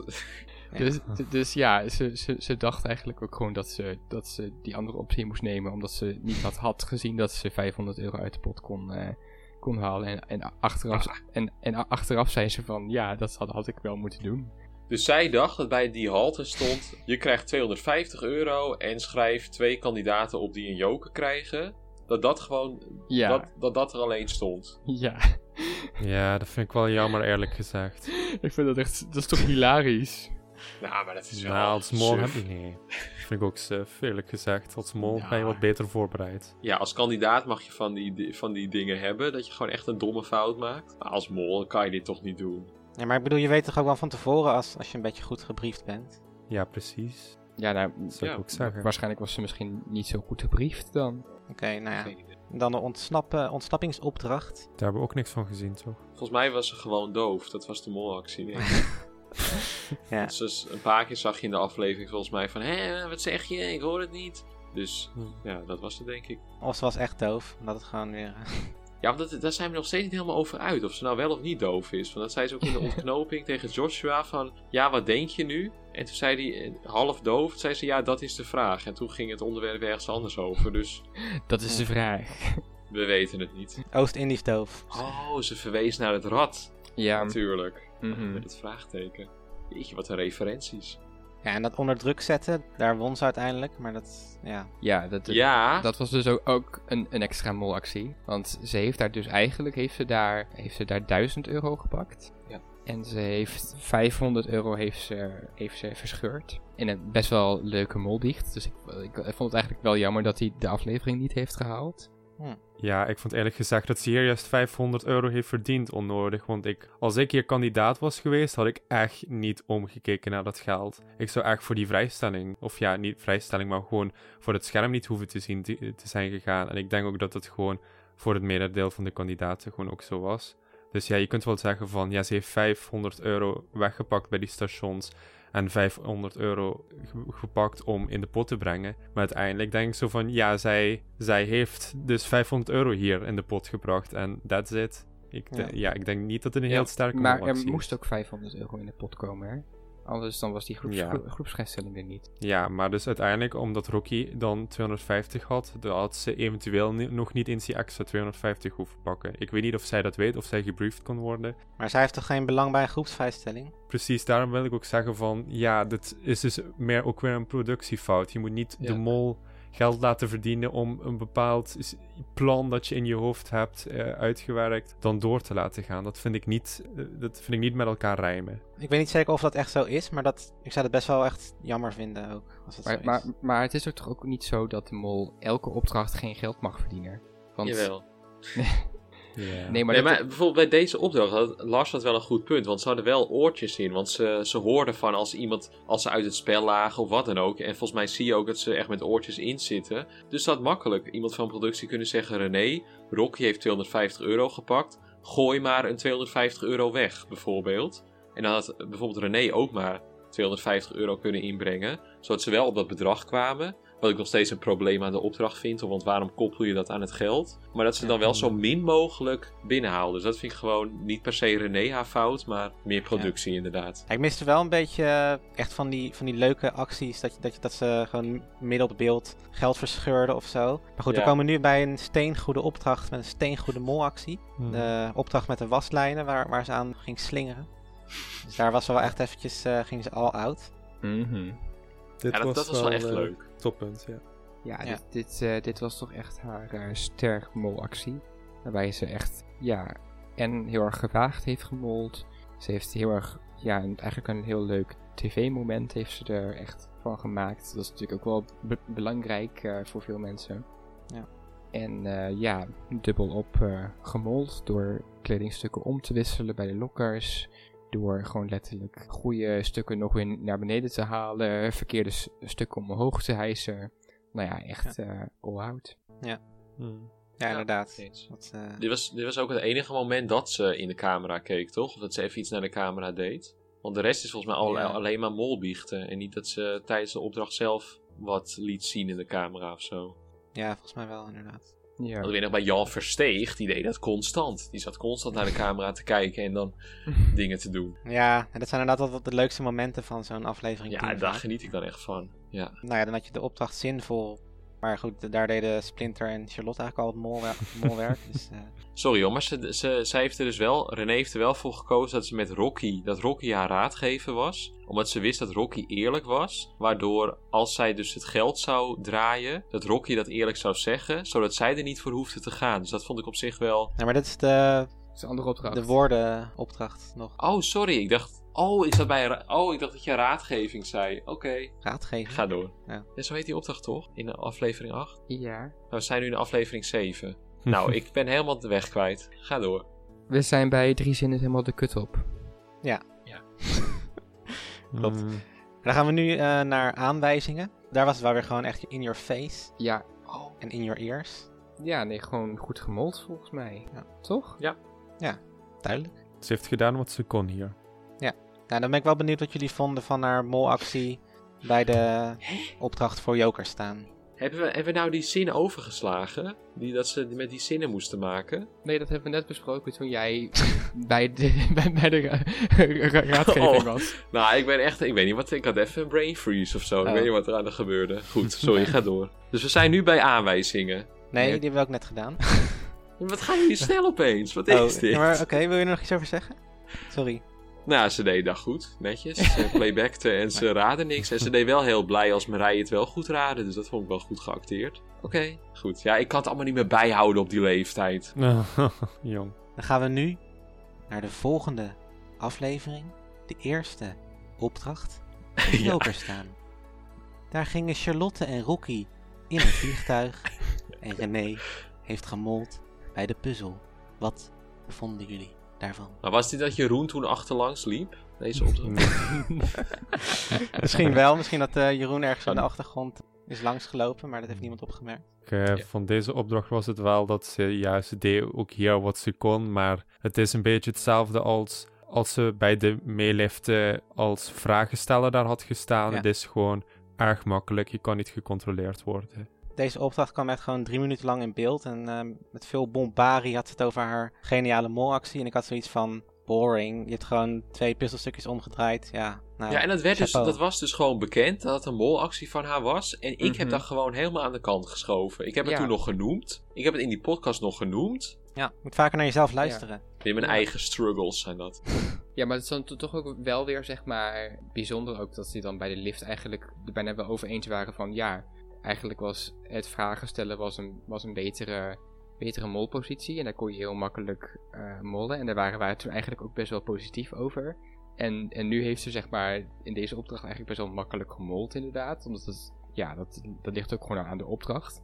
En, en, en dan is het nu zeg maar weer een soort van kritiekpuntje. Dat is, dus het is eigenlijk gewoon nooit goed in die zin. Ik, ik had toen ook wel gezegd van, voor mij was het meer dat ik, dat ik hoopte dat het Charlotte was, omdat ik de molactie veel leuker zou vinden. Dat ze gewoon eerst helemaal enthousiast is en dan uiteindelijk helemaal hyperventileert in dat vliegtuig en dingen fout zegt. En toen had ik inderdaad al gezegd van ja, ik hoop niet dat, dat de molactie straks blijkt te zijn, oh nou, er is een puzzelstukje verkeerd gelegd. Ja, maar op Hmm. zich, als je deze opdracht bekijkt, ik bedoel, misschien is inderdaad, is dat van Ch- Charlotte is misschien een iets leuker tv- tv-moment, maar ook daar is het natuurlijk gewoon zo van, ja, je hoeft maar één code, hoef je niet te horen of verkeerd door te geven en de opdracht is gewoon gedaan. Dus het is eigenlijk net, net zo makkelijk. Ja, maar ding, weet je, het ding, het ding ook is dat als je als mol daar staat, dan hebben de kandidaten gewoon ge- geen enkele kans om het goed te doen. Want ja, weet je, je hoeft, je hoeft alleen, niemand kan je controleren. Je kan gewoon dat, die puzzelstukjes veranderen. Nou ja, klaar en dan geen geld. Ik denk dat Splinter gelijk had met dit soort opdrachten en dat het niet alles of niets moet zijn, maar dat ze de kandidaten ook gewoon geld moeten kunnen krijgen voor wat ze wel goed hebben gedaan. Ja, Ja. precies. Dus ik denk inderdaad dat dit weer een beetje een productiedingetje is. Ja. Ja. Nou ja, goed. Even kijken. Rijgedrag, opdracht in het theater. Ja, dus haar molactie is waarschijnlijk dat ze toen zei van... eh, is Simone Wijman staat die verkeerd? Dat was eigenlijk het enige, volgens mij. In ieder geval wat we in de aflevering hebben gezien. En dan eh, radgeving. Daar wilden ze dus inderdaad, nou ja, wat, wat jij zei. eh, Ja, plak mijn op. fragmentje maar van Dan. Plak dat nu hierbij. ja, als je wil weten wat Jan van deze opdracht vond, Ja. even eh 10 minuten terug. ja, Ik vond Rocky nog steeds raar hier hoor, hoe ze met haar mol omging. Ja. omdat ze zo eerlijk was. Ja, en dat is ook wat ze aan het einde zeiden van... Ja, ik, eh, ik had die hele pot gebied als het moest. En eh, ja, dat was wel heel jammer. Het was echt zo van... Ja, tja, dus heeft gewoon haar laten toestaan om te mollen. Dat vond ik wel, ja. Ja, eigenlijk is de conclusie gewoon dat, dat Rocky gewoon, gewoon een beetje raar deed dit seizoen. Met haar, haar eerlijkheid eigenlijk. Wat natuurlijk ook een hele positieve eigenschap is. Laten we dat ook voorop stellen. Ja, maar je moet altijd oppassen met mensen die zeggen dat ze eerlijk zijn. Dat heb ik nu ook. Rocky zei nu ook weer van: Ik ben heel eerlijk. Dat heeft ze ook in de ontknoping een paar keer gezegd. En als mensen dat zeggen, heb ik altijd het idee dat ze eigenlijk niet eerlijk zijn. Maar goed, ik wil verder geen waardeoordeel over Rocky vellen. Maar ik heb dan wel een beetje dat idee. Op zich zat inderdaad wel wat ik toen ook zei. Van dat ze toen met Charlotte zat over René. En dat ze toen eigenlijk een beetje aan het, aan het roddelen waren, zeg maar. Dat is inderdaad wel zo'n momentje dat hij even dacht van... eh, nou, Rocky. Hmm, ja, Rocky heeft het eigenlijk niet echt heel erg eh, als een speel aangepakt en meer als zichzelf. En dat is ergens ook bewonderenswaardig dat ze daarmee toch nog het hele einde heeft kunnen bereiken. En winnares is kunnen worden. Ja, op zich vind ik dat dan wel, ja, ergens ook wel bewonderenswaardig inderdaad. Maar ik denk ook van, ja, als je aan het spel deelneemt, dan speel het spel dan ook. Ja, Ja, ik vond ook bijvoorbeeld, het is een beetje vooruit nu, maar ook om het nog even over Rocky te hebben. Dat ze dan uiteindelijk in die grot de, gewoon die envelop pakt. Ja. Dat is ook weer zoiets van, ja, nou ja, het geld boeit daar niet, weet je. Ja, dat vind ik toch jammer. ja. En dat van René telde inderdaad niet mee. eh, wat de mol deed. Zie je, dat, dat heb ik dan toch goed, eh, goed opgevangen. Ja, dus niet, je hebt ook goede dingen van Facebook afgehaald, Dennis. nou, Ja. dat, dat, dat heb ik toch wel echt ook gewoon zelf bedacht ook nog. Oh, oké. Dus de dingen die je zelf bedenkt, die kloppen. Maar die Ja. dingen die je van Facebook haalt, die zijn fout. Oké, oké, ik snap het. Ja, dus dan is het toch wel grappig dat Rocky dan wel nog redelijk dicht bij Marije ligt. Ze voelde toch een soort van energie en eigenlijk was dit gewoon haar, Energie. Ja, haar, haar zoektocht naar zichzelf. ja blijkbaar. Mooi. En dan die opdracht ervoor nog intrappen in de finale. Ja, goed, daar was René gewoon, eh had ze ook weer best, best wel in your face gemold eigenlijk. En de andere liet het ook toe. Dus dat scheelt. Ja, dit, dit, dit hebben ze niet eens hoeven toelichten, want het was Nee. gewoon, gewoon, gewoon duidelijk wat ze hier heeft gedaan. En dat, en dat, dat hebben we nog vorige Ja. week gezien, dus dat, ik snap wel dat ze dat ook niet, eh, niet nog een keer hebben aangehaald. Nee. En er is dus ook een reden waarom Rocky niet haar mountainbike inleverde. Want net voor de opname keek ik op Instagram. Maar toen was er dus zo'n stukje van de podcast, de Wie is de Mol podcast, waarin Rocky dat uitlegt. Maar dan precies het punt waarop ze het gaat uitleggen, dan stond het niet meer op het verhaal. Dus ik heb dat verder, weet ik het antwoord niet. Maar er is blijkbaar dus wel een reden waarom Rocky niet haar fiets had ingeleverd. Ja, kijk, ik heb wel opgelet en ik weet dat... de- Hartstikke goed, Dennis. Vertel. en ik weet dat eh, de reden is dat ze een blessure had. Oké, maar, ze- oké, maar ze was verder wel actief in die opdracht, toch? Of heeft ze dan echt een specifieke hardloopblessure? Ja, nee, ze, ze had een soort van blessure die alleen niet meer gold als ze moest rennen voor jokers of vrijstellingen. Ah, oké, ja. Aanstelleritis noemen we dat. Nee, nee, dat is Nee. niet zo. Straks is het heel erg en dan ligt ze echt, heeft ze in het ziekenhuis gelegen en dan zeg ik dat nu. Nee, eh, oké, nou dat, dat kan Ja, natuurlijk. apology. Sorry, Rocky. Ja. Maar goed, dat waren de molacties. Ja, maar dus, mag ik, sorry, mag ik nog heel even één ding over de allerlaatste lumineuze idee? Ja. Wij hebben dus nu niet gezien wat er op die envelop stond, toch? Dat met die kaars. Jawel. Wat dan? Dat was eh, aflevering 8, lied 3, of wat was het? Dat was in de, dat was in de eerste opdracht. Ja, Ja. maar dat is dezelfde envelop. Ja, maar wat heeft ja. het voor nut? Dan ben je in aflevering 9, dan ga je die envelop bekijken en dan staat er aflevering 8, lied 3. Dan heeft het juist nut, want dan weet je van, oh, dat lied dat verwijst naar de mol. Je, je weet dan toch niet de volgorde van die liederen? Ja, je hebt toch een herinnering. Nee, dat kan. Nou, oké, als je echt. eh, ik, ik kan me voorstellen dat je de precieze volgorde van de liedjes niet meer uit je hoofd weet. Maar als je dat in de eerste aflevering ziet, dan weet je van: oké, in aflevering 8 moet ik heel erg gaan opletten op volgorde van liedjes. En dan de derde. Maar als je dat gewoon in aflevering 9 pas weet, kan je dan echt met terugwerkende kracht de volgorde van die zeven liedjes, of wat was het? Ja, maar dat is voor hun een aantal dagen geleden. Dat is echt niet zo lang geleden hoor. Oh ja! ik dacht drie weken. Even naar de hints. Ja, de hints. De hints. Of wil jij dat nu overnemen, Tigo? Mag ik mijn stukje weer doen? Nee, ik, ik, ik geef de, het woord zo aan jou. Maar ik wil eerst even aan jullie vragen, wat vonden jullie überhaupt van de hints? Want ik, ik vond het echt goede hints dit jaar. Ja, als van ouds eigenlijk. En ik vond, het was voor mij ook wel een van de redenen om uiteindelijk toch eh René te verkiezen boven Rocky. Omdat er gewoon een aantal best wel sterke hints waren, zoals die in aflevering 1. De afleveringstitel Gelijk, die dan verwees naar de zin van René in opdracht 3, die dan gelijk was aan de uiteindelijke zin. En ehm de Lady in Red bijvoorbeeld. Dat zijn toch allemaal hints die we wel gevonden hebben. Ik Ja. vind wel Lady in Red vind ik wel een beetje problematisch, omdat Marije rood haar had. Ja, Dus dat is wel weer zo'n hint die op twee mensen kan slaan. Ja. Maar goed, natuurlijk, die staat niet in de finale, dus dan heeft het misschien wel weer nut. En natuurlijk, die hoorde je niet in aflevering 8, want toen zat Marije er niet meer in. Dus Nee. oké, dan heeft het wel iets van waarde. Ja. Maar hoewel, ze had er wel in kunnen zitten, want in, in principe in aflevering 1 was die hint dus van Lady in Red, die komt in aflevering 8. En het had gekund dat Marije er dan nog in zat. Maar het is toch ook in red? Ik bedoel, als je rood haar hebt, dan ben je toch niet je... Ja, maar ik bedoel, het, je moet ook, wie is de mol, je moet ook de regels een beetje buigen. Want je hebt, ik heb hier ook die hele lijst met al die hints. En er staan soms hints tussen dat ik denk van, nou, dit is wel heel ver gezocht. Dat, dat is eigenlijk ook inderdaad een beetje als van oud in de zin van dat er zitten een paar hele goede tussen. Er zitten een paar tussen waarvan je denkt van, "Mwah," maar dat is eigenlijk elk seizoen wel zo dat er wel iets tussen zit waarvan je denkt van, oké, whatever.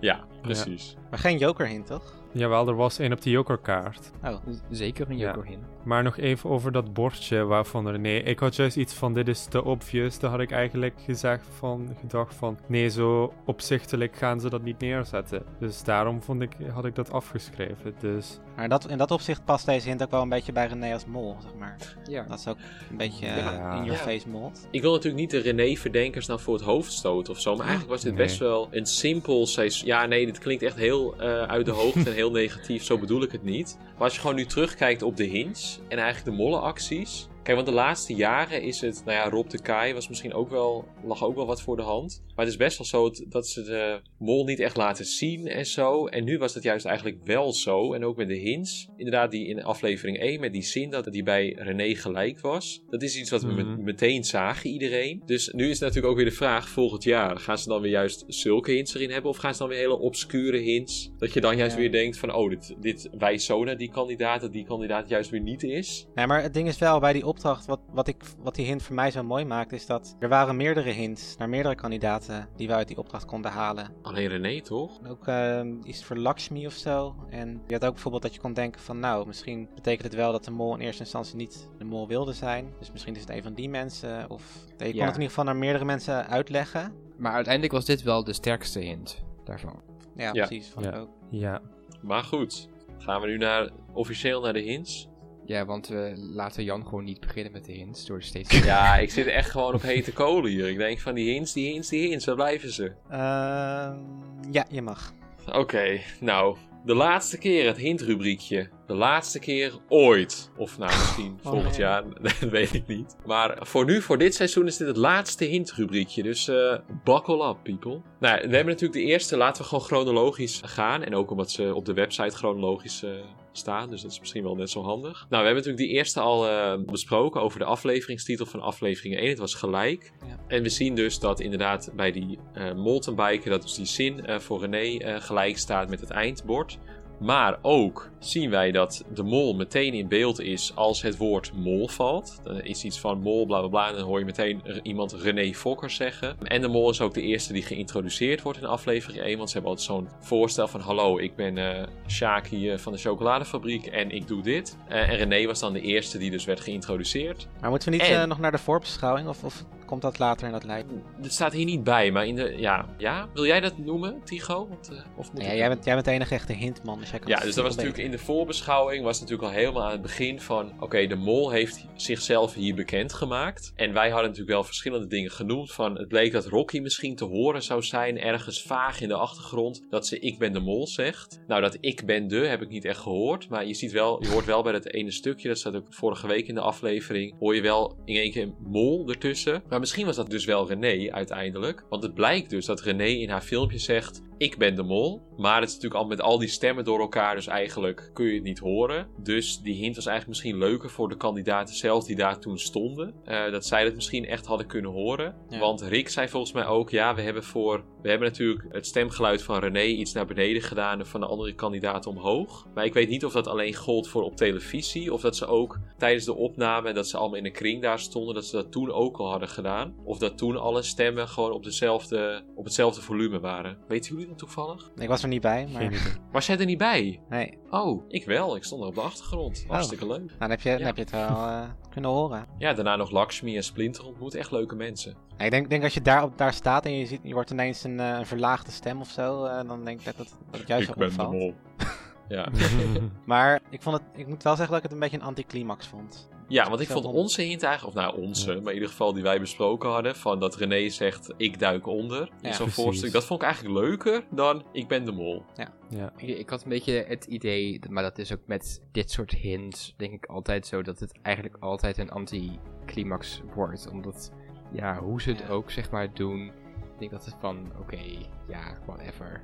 Ik vond wel de ontknoping leuk trouwens. Om daar nog even, dat hadden we in het begin misschien, misschien moeten zeggen. eh, dat ze weer teruggingen naar het introductiefilmpje. Dat je al die Ja. kandidaten zag. Dat toen in de volgorde van afvallers dat dan het licht uitging. Dat je dan uiteindelijk dus richting eh, René ging. Met, met dat, dus dat ze die kaart door onder de deur doordeed volgens mij. Ja, En toen zag je dus René. En ik had wel bij dit silhouet, toen dat in beeld was, want dat zag je ook in aflevering 1, zag je zo'n Ja. silhouet lopen. Toen ik dat weer zag in aflevering 10, dacht ik echt van, nou, dit is meteen René. ja. ja, dat dacht ik ook inderdaad. Maar was het in aflevering 1 nou ook zo duidelijk? Of was, dat nu, was het toen een beetje geblurred en dat je nu in aflevering 10 dat silhouet gewoon zag hoe het was? Ik vond het, ik vond het zelf niet zo heel duidelijk eigenlijk. Maar... Oh ja, want eh, vergeleken met Rocky bedoel ik dan, hè? Ja, het silhouet, het had een jurk aan. Dus eh, toen dacht ik al van, ja, Rocky die doet nooit jurken aan. En zo'n knotje. Nee, maar er was, er was ook zo'n shot waarbij je echt full body zag. Oh, oké. Ja, maar ik denk wel dat als je het nu weet we dat het René is, en dan is het ook wel makkelijker om dat te zien. Ja, nee, dat zag ik al toen, nog voordat ze René ontknopt was. Toen dacht ik zoiets van, oh shit, Ja. dit is er toch. Ik dus ook. Kut. Nee, oh, dat mag je niet zeggen. Ja, oké, maar goed, laten, Maar- laten we doorgaan. Hints. Oh, of wou je nog wat zeggen? Ja, ja, de hints. Nou ja, je zei dus over die jokerkaart. Er is dus wel een hint in. Want blijkbaar als je de... Want deze jokerkaart van Wie is de Mol... Die is dus gebaseerd op een officiële andere jokerkaart. En dan zie je dus zo'n zo'n joker of zo'n nar. Die zie je dus met kaartjes zo om zich heen. Een beetje zoals eh, Mega Alakazam met eh, lepeltjes. Zo. Voor de Pokémon fans onder ons. Soort van boog, een boog aan kaartjes een boog aan kaartjes en die staan allemaal met een beetje een andere oriëntatie, andere manier zijn ze gedraaid. En die kaartjes zijn dus vervangen door letters op de Wie is de Mol kaart. Dus dan zijn ze vervangen door Wie is de Mol. Alleen de letter I van Wie, die staat niet in de juiste richting van de originele kaart. En als je hem wel in de juiste richting zet, dan staat die I op zijn kant, waardoor het dus een min zou zijn. En dan is de hint, dan heb je dus eigenlijk W min E. W is de 23ste letter, E is de vijfde letter, dus dan heb je 23 min 5, dat is Jezus. 18. De 18e letter is de R, dus dan is de hint R even is naar de de wc. mol. Ja, nee, R is de mol. Oh, Maar wie staan er in de finale? Wie waren de enige twee opties? Rocky en René. en Rocky. Nou, dit is echt dit is geen goed doordachte hint. Want ze dachten waarschijnlijk, nou, de kans is wel heel klein dat Rocky bij de laatste twee eindigt. Dus dit is vast een goede hint. Maar ja, deze is dus niet zo heel goed. Maar dat is toch een beetje, dat is ook weer zeg maar eventjes weer terug naar eerder. Dat ze ook zeggen van in het seizoen van Kees. Van oh wat goed dat die hint uiteindelijk op alle drie de finalisten slaat. Oh ja, Met, eh, Carolien Cornelissen, Paulien Cornelissen en Kees. Want het ging Ja. om de C, toch? Ja, dus, Hoewel Kees natuurlijk niet. Het is met een K, maar goed. Dus eigenlijk ja, is dat toch wel Ja. weer, weer een soort van, ja, toen was het heel goed en nu is het, eh, is het niet goed. Ik bedoel, ik, vind verder deze hint ook een beetje te ingewikkeld sowieso. ik ben nog nu Ja. al, ik, ben, ik snap hem nu al niet meer.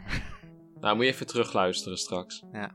Dan snap je misschien. Maar als, als dat, dat het zeg maar zowel op Rocky als René kan slaan, dat, ja weet je, dat kan toch? Ja, oké, maar dat is misschien meer een combinatie van alle hints bij elkaar. Dan zie je dat het René is. Ja. En ik vroeg me trouwens wel af, die joke. Want op zich, de joker stond echt eh, centraal dit seizoen. Dus dat, dat mannetje, die nar. Maar verder wordt niet echt uitgelegd waarom, toch? Het is niet zo van dat Nee. René een, een, een clownsverleden heeft. Of een, een jokerverleden, toch?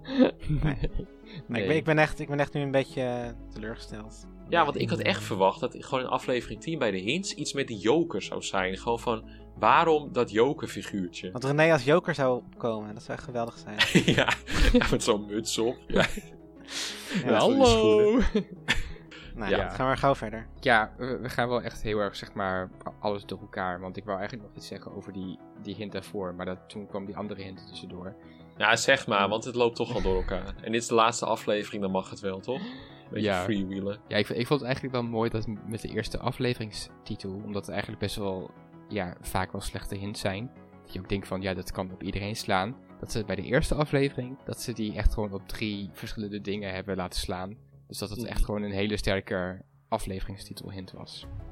Oké, Toch? ja, mee eens. De titel van aflevering 2 was Voorbeeld. Of beter gezegd, voor spatie beeld. Want de mol was degene die bij de opdracht om de tuin leidde de camera vasthield en zo voor beeld zorgt. Dat kon hem dus op Florentijn of René slaan. Dat was ook weer een hint die op twee kon. Maar goed, ja, het gaat waarschijnlijk om afstrepen en welke dus op wie slaan. Dan, dat vond ik dus niet zo'n hele goede hint. Dat vond ik eigenlijk de hint beter, dat je, dat je in de leader staat René voor een beeld. Dat vond ik eigenlijk een betere hint dan nee, deze, maar dat niet. was, een, dat was een intro-hint. En waarom zou het dan Beide opeens in aflevering 2... Sorry? beide gewoon niet. Nee, beide hints zijn het echt totaal niet. Nou, dat lijkt me een eh, goed eh, oordeel, Lars. Laten we dat dan gewoon zo laten. Duidelijk. Duidelijk. D- dit vond ik wel een goede hint. Dat was ook aflevering 2. Dat was in de Blacklight Ballerinas, dus de dansen ontspringen. Was er een plattegrond en er waren er een aantal kamers in een vleugel. Die hadden allemaal vrouwennamen. Dus Adele, Christina, nog een paar. En dit is dus een verwijzing naar Vrouwenvleugel. En blijkbaar is dat een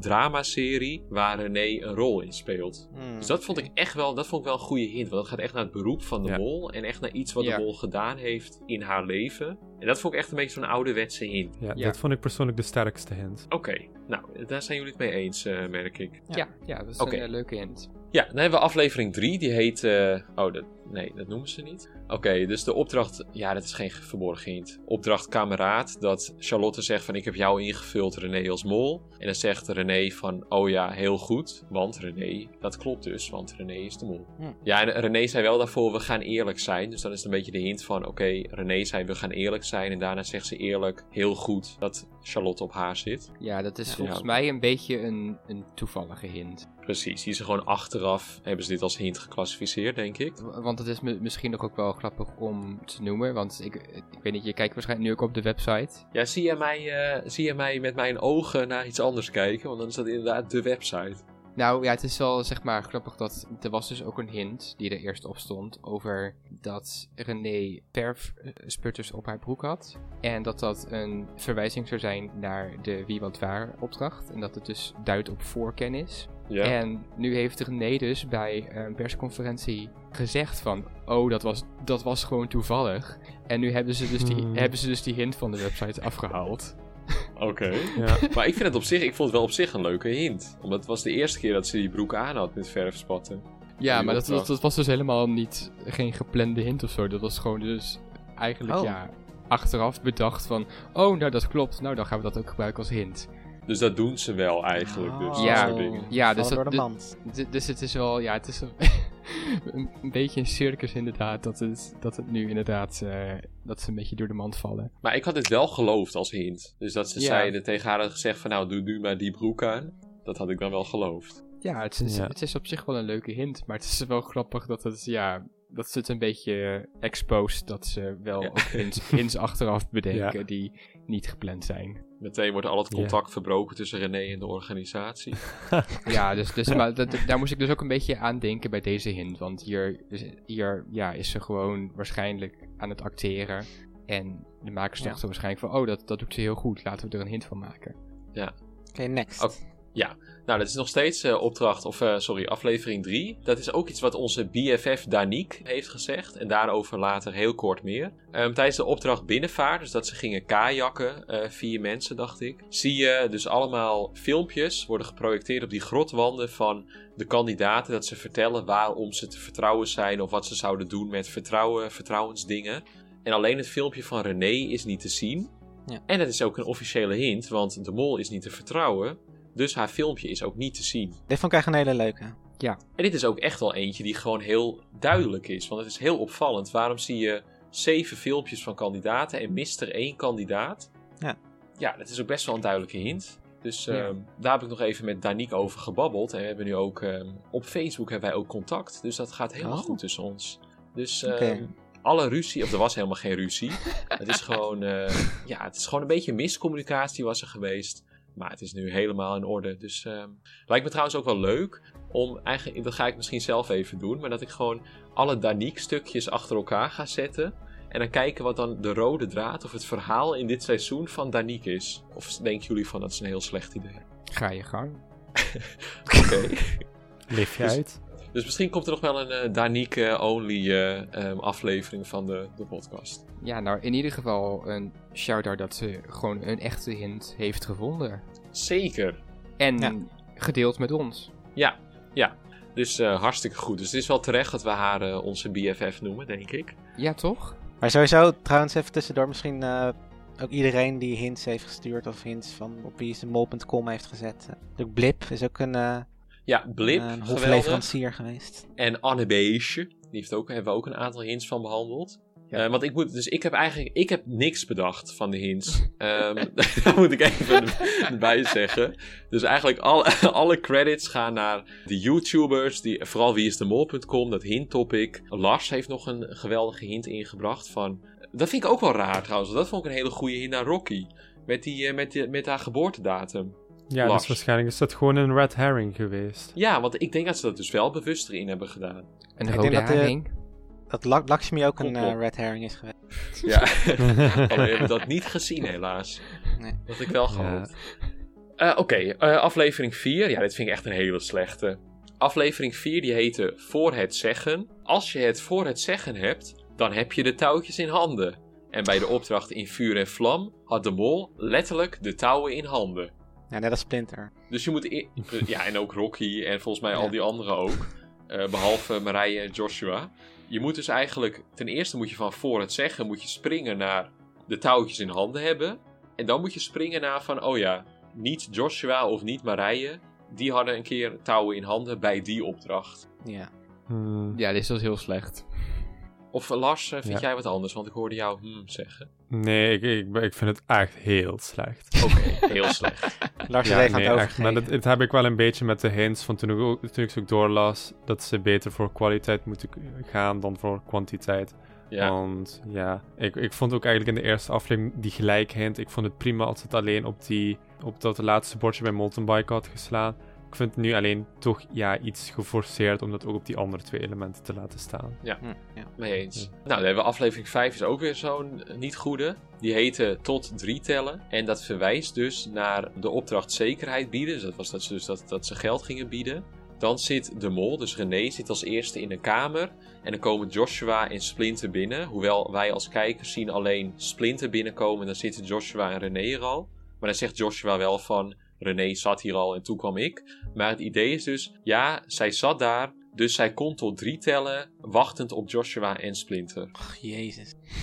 D- Hmm. Ja, nou laten we doorgaan. Sorry. Aflevering 6 heet Wegstoppen. En we zien dus dat de mol haar joker wegstopt. Dus blijkbaar heeft ze daar ergens een joker verdiend. Dat weet ik eigenlijk niet per se eh, precies. Dus die stopt ze dan die jo- joker weg. Maar ik vond eigenlijk de verklaring leuker dat, we, dat iemand had gezegd van... Ja, René was de enige die weg werd gestopt in een hotelkamer. Want wa- ze waren toen met vijf mensen. en toen zei ze aan het begin van... Ja, René, jij gaat alleen in een kamer. Dat vond ik eigenlijk leuker. Van dat René werd weggestopt in een hotelkamer. Ja. Maar dat is dus Ja. niet een officiële hint. Nee, ze moeten eigenlijk gewoon stoppen met die aflevering titels. Oh, vandaar gewoon weg. Stoppen met die hint.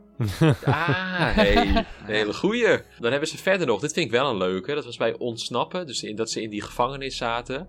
Dan heb je dat René drie keer hard op haar deur slaat. En dat is een verwijzing naar af, of, eh, aflevering 1, opdracht 1, dus de allereerste opdracht. Dat René als mol dus drie keer op de deuren van de kandidaten slaat om die envelop met die opdracht, of in ieder geval van de jokerkaart, of lever je geld in voor een joker.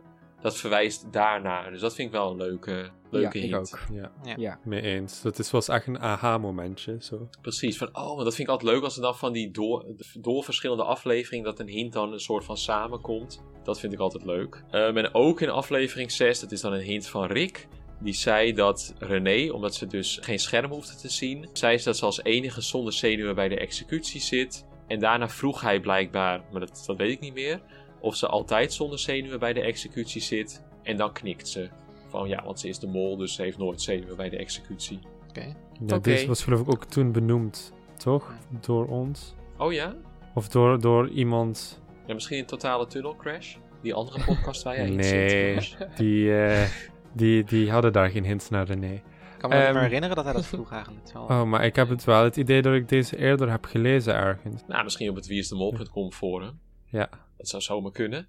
Dan hebben we aflevering 7. Die heet de aanwijzing. En dat verwijst dus naar ook iets wat wij hebben benoemd. Dat ehm, ze dus met z'n vijf bij die executie zitten. Er zit René in het midden. En dan zegt Rick, dit is de laatste keer dat jullie in deze setting zitten. Met een mol in jullie midden.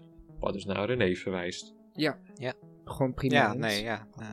Dan was er nog een verwijzing naar de opdracht, of er was nog een hint in de opdracht zinvol. Dat was dus dat ze die kisten moesten halen uit dat eh, gebied. En dan moesten Splinter en Charlotte zinnen vormen, die allemaal, bijna allemaal mislukt waren. En dan zie je heel snel aan het begin een shot van de kisten. En onder, onder andere zie je daar achter elkaar René klopt. Wat dus weer verwijst naar die, dat René drie keer op de deur slaat aan het begin als mol. Dat vind ik ook wel leuk, want dat, dat maakt het inderdaad, inderdaad nog sterker. ja, dat is zo'n Ja. hint die eigenlijk doorheen het hele seizoen gaat. Ja. Hmm. Dus dat vind ik altijd leuk. Ik hou ook inderdaad wel van hints waar ook weer naar gehint wordt, zeg maar. Precies. Dus een, ja, ja, nou precies hoe je zegt. Dan aflevering 8, die heette Voor Joker staan. En het verwijst naar ehm, dat Charlotte, eh, sorry, Charlotte, dat René bij ehm, die zweefvliegen. Ben je een eh charlotisme Charlottisme, aanhang- dat Charlotte aanhanger geworden? Ja, ik had de eerste paar berichten daarvan gelezen. Ik dacht van, nou, dit is niet serieus. Ehm, dus even voor de luisteraars. Er was dus op het wieisdemol.com forum was dus het idee na aflevering 9 dat Charlotte toch nog de mol kon zijn met allemaal argumenten waarom dat zo was. Maar goed, aflevering 8 heette voor Joker staan en bij die zweefvliegopdracht stond René dus bij de Joker-puzzel. En er staat hier dus op de website: zij is de eerste die bij de puzzel met de Jokerkaart staat. En als ze een slinger aan de puzzel zou geven, in één klap voor Joker zou staan. Eh, wat? Ja, nou, dat Ja, is een wat? goede, goede, goede reactie, denk ik. Oké. Ja, nee, ik bedoel, wij- hadden die hint al wel, wel bedacht dat, ze, dat degene die voor de puzzel staat, dat die voor de joker staat. Ja. Maar de Maar ik snap dat- erbij is... Een slinger geven aan de. Ja, waarschijnlijk dat ze hem, als ze hem eh, omdraait of zo, dan de joker er staat. Maar dat maar- is toch. Ja, Als ook echt. Van, het had kunnen gebeuren, maar dat gebeurde niet. ja precies. Dan vielen toch ook die, al die puzzelstukjes zouden dan op de grond vallen. Als ze... Heel apart. Ehm, Nou, Ja. dat, nou, dat hadden we wel willen zien.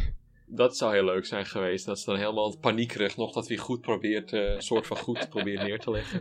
Ook zit er een muzikale hint in deze aflevering. Dat was dus bij die eh, rij. eh, dat ze dus al die oud-kandidaten op die rij hadden in die theaterzaal. En dan komen de liedjes langs. En dat was dus verwijzing naar Lady in Red. Omdat René bijna altijd rode kleding droeg. Of iets met rood in haar kledij. Dus die rode trui, ze had een rode rugtas. Rode hakken had ze nu ook weer aan. En op de foto had ze volgens mij ook rode hakken. Dus rood is een beetje haar kleur in dit seizoen. Ik had eigenlijk wel verwacht dat al die eh, nummers wel naar haar zouden verwijzen. Officieel. Ja, want wij hadden volgens mij ook dat ze eigenlijk allemaal naar haar konden verwijzen. Behalve Man in Black, Ja. dacht ik.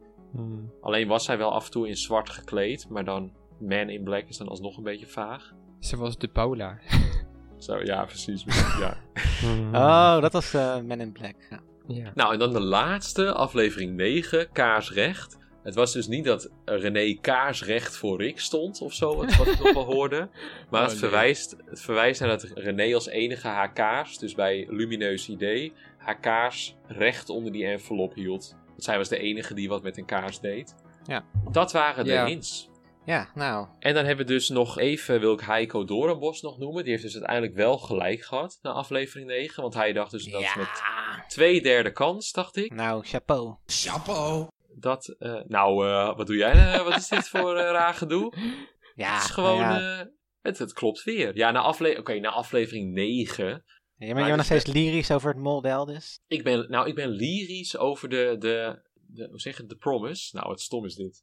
Niet de promise, dat is ook De fout. belofte. maar- De belofte. ja, niet de, be- ja, een soort van, maar in ieder geval wat het zou kunnen zijn. Hoe noem je dat? Het voor, niet het vooruitzicht, maar de, wat, wat het inzicht. De potentie. Ja, De, potentie! Ja, Ja. Ik ben, ik, ik ben Daar blij met de, potentie in. met de potentie die het in zich heeft. Want, oké, we hebben dus nu, die Heiko Doornbos heeft nu iets ontwikkeld dat dus na aflevering 9 tot nu toe altijd juist is geweest. En oké, er moeten nu gewoon stappen gezet worden om het na aflevering 8 of na aflevering 7, om het dan juist te hebben. Dus ik zie heel veel potentie in. oké. Nou ja. ik vind het ook zo leuk dat ik dan zo enthousiast ben en dat jullie echt gewoon heel eh, niet enthousiast reageren erop. Ja, nee, ik, ik vind het allemaal nog te toevallig. Ja, maar jij bent echt zo'n alfa. eh, Hugo. jij bent echt natuurlijk van de taal en Ik eh, ben meer van de weet je, gevoelens. exacte oh nee, niet. Wiskunde, dat, zo, dat soort dingen. Nou, ik vind het nog wel fijn dat ik als, als ik nu volgend seizoen weer erin ga, dan ga ik in aflevering 9 ga ik wel even kijken naar het model van, nou, wat, wat, wat, wat zegt hij? Want nu moet hij kloppen. Ja, ik bedoel, Ik die ga er ook zeker mijn, mijn mening op baseren. Die, die afleveringen daarvoor niet. Dat, eh, dat zou ik wel weer met een korreltje zout nemen. Hmm. Dan is het beter voor de afvaller tot nu toe. Ja, Maar heb Ja, je dan een goede ja. verklaring waarom het in de finale wel betrouwbaar is en daarvoor? Nou ja, sowieso minder mensen.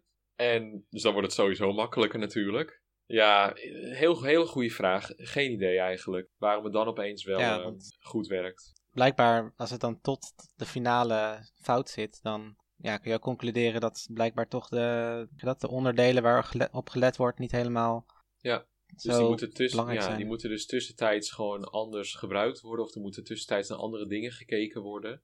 Ja, ik, ik, voor mij is het pas echt als het Ja. vanaf het begin, of bijna vanaf het begin. Ja, je kan natuurlijk niet helemaal vanaf het begin, want je hebt natuurlijk wel informatie uit de afleveringen nodig. Maar ja, ik zou er pas echt in geloven als het eerder goed zit. zeg. Maar goed. ja, maar eigenlijk heb je dus nu een model die alleen voor aflevering 9 werkt. En eigenlijk wil je, denk ik, ja, op zich dat, dat wil ik niet per se, want dan zou hier zijn mol kapot zijn. Maar eigenlijk Ja. wil, wil je een model wat werkt voor aflevering 1. Dus eigenlijk, Ja. zou je- dus ei- eigenlijk zou je juist moeten focussen op aflevering 1 alleen. Van, en, en dat dan zeg maar kloppend moeten maken met elk seizoen. ja, want hoe, Ja, ja. hoe, eh, als je naar René kijkt, in eerdere afleveringen was ze dan altijd... Ik bedoel, ik, ik, ik had een onvoldoende op wiskunde in mijn eindexamen, dus ik luister niet naar mij de- daarbij, maar Nou, dat is, een, dat is een hele goede vraag, Tigo. Want ik heb inderdaad naar die percentages gekeken van alle afleveringen. En het is niet zo dat René onderaan stond of zo. René was altijd een beetje in de middenmoot, maar nooit echt eerste volgens mij. Ehm nee, behalve dus na aflevering 9 was ze wel eerste. Dus het was niet zo dat ze al door het model was. Nou, op zich natuurlijk wel naar aflevering 8, want toen had je het splinten 95%. Toen werd, was René eigenlijk wel afgeschreven. Ja, maar hoe kan het dan dat, ze, dat die verschillen toen zo groot waren? Ja, ja, ik denk dus aan het begin had je best wel dat het uniform was. Dus eigenlijk elk kandidaat wel iets van 10%. En sommige wat meer, sommige wat minder. Maar je hebt gewoon veel minder informatie, want je hebt alleen aflevering 1. En natuurlijk hoe meer informatie je krijgt, hoe meer die lagen die hij heeft, die hij gebruikt, hoe meer die neigen naar één kandidaat dat die op een bepaalde manier in beeld wordt gebracht, of jokers heeft of wat dan ook. Ja. Dus ik denk dat gewoon hoe verder je komt, hoe, hoe zekerder het model wordt, maar hoe ook gro- groter de, de, de fout wordt eigenlijk. Dus als het fout Ja. is, dan is het ook echt extreem fout. Dus ik denk dat dat, dat een beetje. Ja, maar alsnog is het een heel on- onduidelijk antwoord. Maar ja, ik weet ook niet precies hoe het zit. Maar ik vind het een heel interessant ding. Laten we daarop houden. En ik hoop eigenlijk dat dit ook betekent dat de makers. Dit een soort van kat-en-muisspel wordt. Ik wil niet de makers meer werk geven. Maar dit, dit geeft hun misschien ook wel een soort van incentive om er op een andere manier naar te kijken. Of een andere manier te gaan monteren. Wat misschien ook wel positief zou kunnen uitwerken. Ik denk misschien ook nog wel eventjes één ding in verdediging van het model misschien.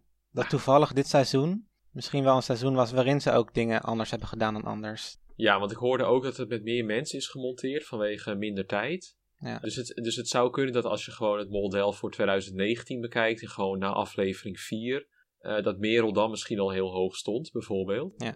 Ja, dat, dat kan ik nog bekijken, maar dat. eh, Misschien kun je ook zeggen, ja, René is een wat atypische mol. Of, eh, in. Ja, weet ik Ja. niet. zullen we de competitie maar gewoon overslaan? Niet belangrijk. Ja, want dat is, volgens mij is niet, voor niemand is dat interessant, Nee. denk ik. Nou, Toch? welkom bij de, de uiteindelijke competitieuitslag. Eigenlijk heb ik het vorige aflevering heb ik het al toegelicht, dus ik ga het gewoon heel kort houden. Ik heb gewonnen! Gefeliciteerd! Nou, gefeliciteerd.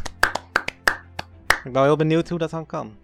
Nou, eigenlijk omdat ik dus het vaakst van iedereen eh, René als mol heb aangeduid. Ik heb haar in de allereerste aflevering als sch- schot voor de boeg heb ik haar aangeduid als mijn mol. Oh, echt? Oh, Oké. Ja.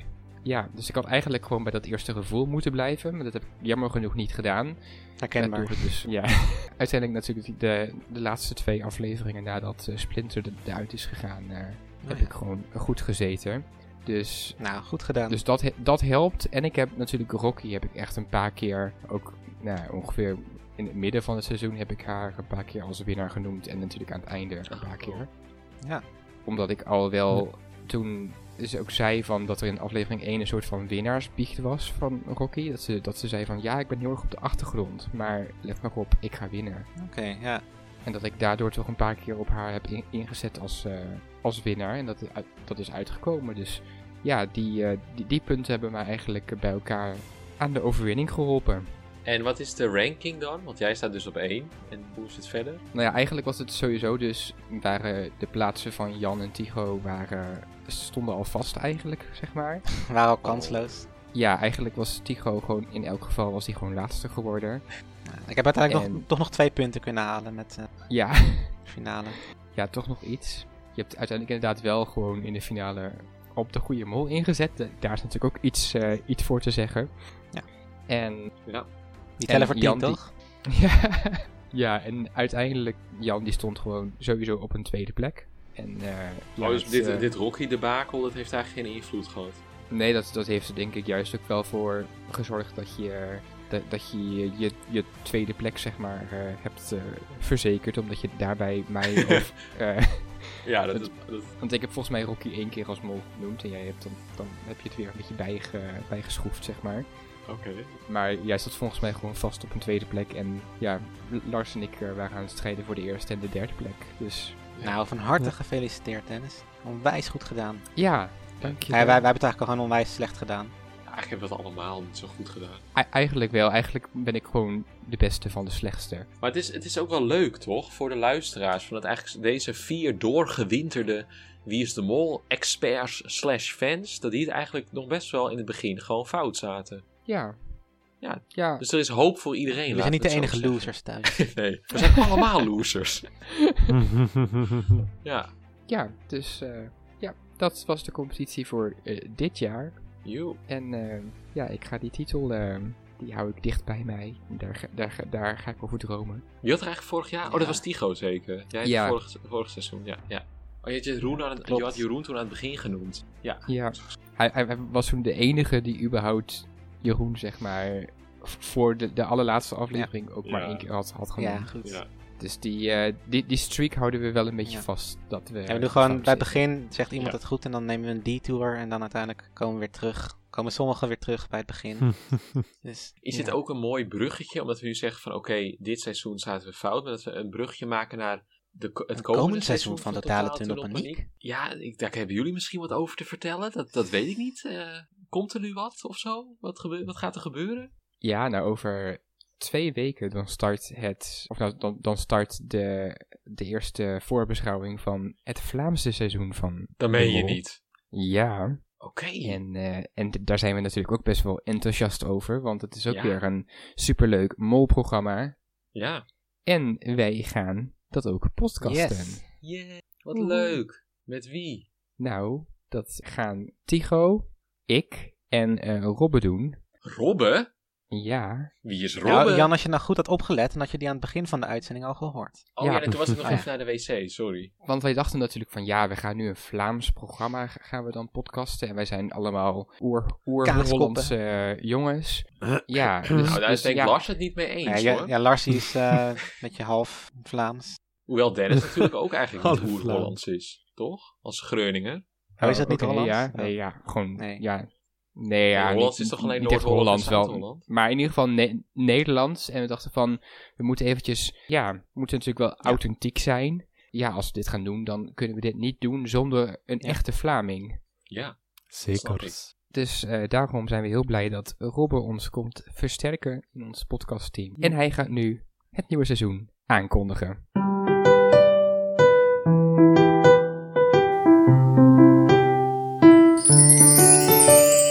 Dag beste paniekzaaiers. Ik ben Robbe, oftewel Vermiljoen op het forum. De excuus-Vlaming van totale tunnelpaniek. Of moet ik zeggen, complete kokerzicht. Samen met Dennis en Tigo gaan we het Vlaamse molseizoen bespreken. Volgende week zullen we beginnen met de voorbeschouwing, dus ik hoop dat jullie blijven luisteren. Salutjes!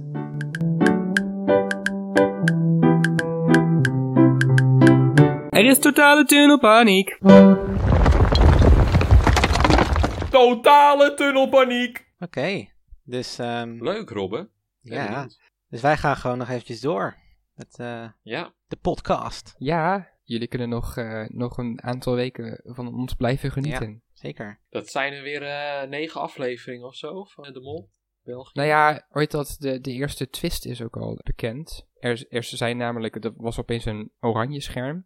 Oh Eh, dat dat eh, niemand, is zeker eh, dit seizoen. En er zijn twee kandidatengroepen, dus echt twintig mensen. Ja, dus worden waarschijnlijk 20 afleveringen. Dus, Wat eh, er precies gaat Ja. gebeuren weten we niet. Maar ja, er zijn allemaal geruchten van misschien is het groep tegen groep. Misschien zijn bepaalde mensen, moeten ze battelen om een bepaalde Ja. plek. Dus wie weet. Maar dat kan natuurlijk ook dat daar weer een extra aflevering aan vast zit. Mhm. Gezien we het een keer eerder hebben gehad dat ze ook zeiden van dat ze nog geen mol hadden. En daar hadden ze dan ook weer een extra aflevering voor om de mol te kiezen. Dus misschien is er nu ook wel eerst een extra aflevering om de groep te Ja. kiezen. En sowieso voor alle luisteraars die de Vlaamse Mol nog nooit gezien hebben, ga het absoluut kijken. Ga absoluut dit seizoen Ja, volgen en dus- misschien zelfs oude seizoenen terugkijken, want het is echt gewoon geweldig. Ja, Ja, Ja. Dus, eh, het is echt veel mijn- meer een eh, avontuur, vind Ja. ik, dan eh, Wie is ja, de Mol. dus, ehm, en luister dan natuurlijk ook weer naar onze podcast. Dus eh, Dat ga ik zeker ja, doen. nou, top. dan, dan gaan we ook nog eventjes door over de... eh, want we hebben afgelopen week hebben we weer een event Ja. gehad. Oh ja. Ja. Ja, vertel Dennis, hoe ging dat? Nou, we hadden dus een hele leuke opdracht. Uit mijn eh, online seizoen van Wie is de Mol gingen we nog een keer spelen. En dat, eh, ja, dat, is, dat waren allemaal vragen die op je afgevuurd worden over Wie is de Mol en over de Mol. En eh, als je het antwoord dan goed had, dan mocht je de bom die je bij je had, die mocht je dan doorgeven aan de, aan de volgende. En als de bom bij jou afgaat, dan lig je uit het spel. Nou ja, er hebben weer eh, tien enthousiaste mensen meegedaan, waaronder wij zelf. En ja, eigenlijk ging het heel snel, eh, werden wij eh, uitgedund. Want de, de eerste twee afvallers waren gelijk Lars en Tigo. Ja. ja. Het, eh, het was natuurlijk heel veel pech met die, met die bom die opeens Precies. afging. Want het kan, het kan natuurlijk niet aan onze Wie is de Mol kennis liggen. Uiteraard. En eh, ik ging halverwege ging ik er, eh, ging ik uit. En uiteraard moest Jan weer de winst pakken. Ja, nou, dat was, eh, maar het was wel mooi, want het was de finale was met Mr. Chippy. Ja, En die kreeg echt twintig vragen op zich afgevuurd. En daarvoor was hij volgens mij best wel, was, wist hij best wel veel. Maar die vragen, ja, die waren allemaal net. Het ging ook veel over de mol en zo. Die wist hij niet. En toen uiteindelijk ging de bom bij hem af. Terwijl ik geen één vraag had beantwoord in de finale. Dus ik had gewonnen. Maar ik had daarvoor wel vragen beantwoord hoor. Dus ik wist wel dingen. Maar Ja. nou, glansrijk gewonnen. Dus Ja. het was een top afsluiting. Of nou, het is nog geen afsluiting trouwens, dit, eh, die, dat Oh, event. nee? Nee, want Nee, we gaan...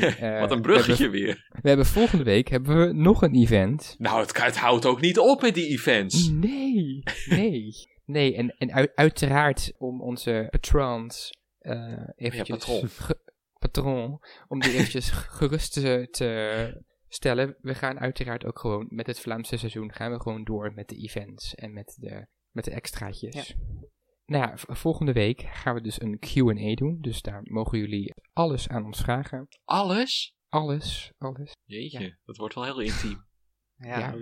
En je hebt natuurlijk gewoon nog de mogelijkheid om het seizoen nog eventjes na, na te bespreken Ja. met ons. Want Ja. dan als het, als, als het goed is, dan staat onze aflevering, eh, die we dus nu aan het opnemen zijn, staat dan gewoon online. Dus dat heb je dan allemaal gehoord. En als je dan nog denkt van, nou, hoe, hoe dachten jullie hierover? Kan je dat altijd nog vragen. Ja. Want het event is op vrijdagavond half negen. En dat is dus vrijdag de hoeveelste? 12 maart. Ja, ik wil sowieso Yes, even zeggen van, eh, we zijn natuurlijk dit seizoen gestart ook met de, de Patreon. Ja, ik vind ben ik sowieso gewoon een, heel- een hele grote dankjewel natuurlijk aan alle luisteraars, überhaupt voor het luisteren. Maar, maar ook in het bijzonder natuurlijk de paniekzaaiers, patrons. Ja, daar zijn we gewoon super dankbaar voor. Kunnen, is het misschien leuk als we ze alle patrons even noemen nu op een rijtje? Of is dat... eh, Ja, is goed. Ja, ik vind wel dat we dat nog eventjes kunnen doen. De lijst. eh. Grote dank dus aan Jesper, Minke, Saskia, Jan Willem, Niels, Tim, Brent, Bram, Meerte en Mitch. super fijn en eh, super bedankt iedereen voor alle steun en ook alle gezelligheid bij de events. En ja, dat maakt het ook gewoon dit seizoen nog leuker dan de eerste, wat mij betreft. Ja, want dat hadden we natuurlijk Ja. bij het eerste seizoen niet. Toen hadden we niet van die events en zo. Dat we gewoon echt met, ja, met die mensen gingen praten en zo. Ik vind echt dat, ja, urenlang eigenlijk nog. Ja, Dan is zo'n zo'n spelletje is dan alweer voorbij. En dan praten we eigenlijk nog urenlang na met die mensen. Ik vind het echt heel leuk. Dat vind ik eigenlijk misschien nog wel leuk. Nee, niet. Namelijk leuker dan de podcast ik zelf. wil zeggen, dat vind ik le- leuker dan de podcast zelf. Maar dat, eh, nou goed, het, het zit op verschillende niveaus, laat ik het zo zeggen. Ik vind het allebei leuk. Ik, En ook gewoon überhaupt- Jan Policy. Überhaupt leuk dat mensen hints insturen en gewoon eh, theorieën. Dus dat eh, blijft dat zeker doen. Ook voor het Ja. Vlaamse seizoen. Oh ja, trouwens nog eventjes tussendoor. Want eh, Dennis, je had het net over Wie is de Mol online. Dat jij georganiseerd had. En dat deed jij op wieisdemol.com. Dit seizoen Mhm. komt er weer een, of dit jaar komt er weer een nieuwe Wie is de Mol online. En dat eh, begint binnenkort. En daar kun je je nu voor inschrijven. De inschrijvingen zijn Oh. geopend tot 18 maart. Dus ga het gauw doen, wieisdemol.com. Eh, en dat is hartstikke leuk om eraan mee te doen met allerlei andere molloten. Dus ehm, ja, schrijf je in en wie weet word je wel gekozen. En wat kun je er een beetje van verwachten? Of is het allemaal nog geheim? Ja, het is gewoon eh, een, een ja, virtuele versie van Wie is de Mol eigenlijk. Dus ja, Ja. maar ik- Ik eh, zag ook dat het land volgens mij al bekend ja, is. het speelt zich af in, eh, gaan, in Roemenië.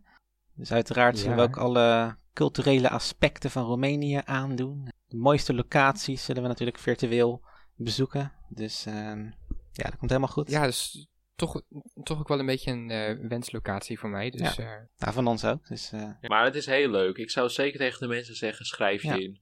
Oké, Mhm. nou dan hebben we denk ik alles wel besproken. Ja goed, was dit de laatste aflevering van dit seizoen? Voor ons. Heb jij nog een, een, een, een, een lijst, eh, een hele speech voorbereid? Of, eh? Ja, ik heb, ik heb weer een speech. ga je gang. Oké, nou, jeetje. Eh, ga ervoor zitten. Ik heb hier een dankwoordje. Is het, mag ik, mag ik beginnen? Oké. Ja, ga, ga los. Oké, omdat dit voor mij nu mijn laatste aflevering is en seizoen 22 pas over ruim 10 maanden begint, of bijna 10 maanden, wilde ik ook nog even een dankwoordje tot jullie richten. Nou, allereerst wil ik natuurlijk mijn podcastgenoten Dennis, Tigo en Lars bedanken. Het was elke zondag weer erg leuk om dit samen met jullie te mogen doen. En ik denk dat de chemie tussen ons ook elke week eh, beter werd. En misschien dat ik na dit seizoen nog even alle afleveringen ga terugluisteren om te kijken van wat wij in het begin zeiden en of dat een beetje overeenkomt met wat we later ook zeiden en hoe het toen tussen ons ging en zo. Maar ik denk dat ik na een paar afleveringen wel een beetje gek word van mijn eh, gesnater. Want ja, ik ben best wel vaak aan het woord. En dat, eh, ja, dat vind ik gewoon leuk om te doen. Maar ja, soms kan het misschien een beetje irritant zijn. Maar ehm, Nee ik wilde jullie ook eh, bedanken voor jullie eh, ja, creatieve ideeën. Want we hebben echt allemaal aspecten in de podcast en zo. En dat is gewoon ja, best wel anders dan andere Wie is de Mol podcast, denk ik. Dat komt ook voornamelijk bij jullie vandaan. Dus nou, heel, heel goed. En ik denk ook dat, speciaal voor Lars, want die was natuurlijk nieuw dit seizoen. Ik denk dat je ook echt een goede, goede aanwinst Ja, was. Want je had best absoluut. wel... Je hebt meerdere keren dingen gezegd waar ik eigenlijk niet eens over na had gedacht. Dat ik dacht van ja, Oh ja, ja, dat klopt wel. En ook natuurlijk met die hint over Rocky. Nou, die was uiteindelijk dan niet, was geen officiële hint, maar toch, ja, wel, dat zijn wel belangrijke dingen, denk ik. Lars ook wel, ik bedoel, Ehm, als je Daan moet vervangen, ja. dat is natuurlijk best wel een, eh, Ja, dat zeker. iemand die je dan eventjes eh, moet gaan eh, overnemen. Maar dat heeft Lars hartstikke goed gedaan. En, dus ja. Ja. En je had ook vanaf seizoen 1 eh, heb je alles gezien natuurlijk. Of nee, niet toen seizoen 1 begon, maar in ieder geval je hebt alles teruggezien. En ja, ook grote kennis erover, dus dat is Ja. ook gewoon goed. Dus ja, en ik wil ook dus Dennis en Tycho eh, ja, veel succes wensen met het volgende. En Robben natuurlijk, want die had ik hier tussen haakjes staan, want ik wist niet of ik hem al mocht noemen, maar we hebben hem al behandeld. Dus Robben mag genoemd worden. Dankjewel. Dus ik wil jullie veel succes wensen. En eh, ja, ik zal zeker, eh, zeker blijven luisteren. Nou ja, ik, dit wordt alweer een beetje monoloog. Dus ehm, ik zal wat sneller gaan. Maar ik wil dus ook, en dat geldt ook voor jullie natuurlijk. Wij willen ook Daan en Jolanda eh, bedanken. Dat ze mij allebei een keer hebben vervangen. Ja. En ik heb natuurlijk allebei de afleveringen ook dus geluisterd toen ze online stonden. En ik vond ze eigenlijk ook allebei heel erg geslaagd. En ja, ik had niet het idee van er is opeens iemand tussen gezet. En ja, dat, dat loopt allemaal niet zo lekker of zo. Het liep allemaal heel gesmeerd. Nou goed, Daan is natuurlijk al bekend met het eerste seizoen. Maar ook met eh, Jolanda. Dat liep allemaal heel Ja. goed. En ook nog natuurlijk speciale dank voor Saskia. Hebben we al eens vaker gezegd. Maar ik denk dat het kan niet vaak genoeg genoemd worden. Want die heeft natuurlijk een paar keer ge- geholpen met monteren. Ja. wat natuurlijk hartstikke klote werk is natuurlijk. Dat weten jullie wel. Dus ja, dank daarvoor. En nou, de patrons hebben we natuurlijk al genoemd. Even daar dank aan.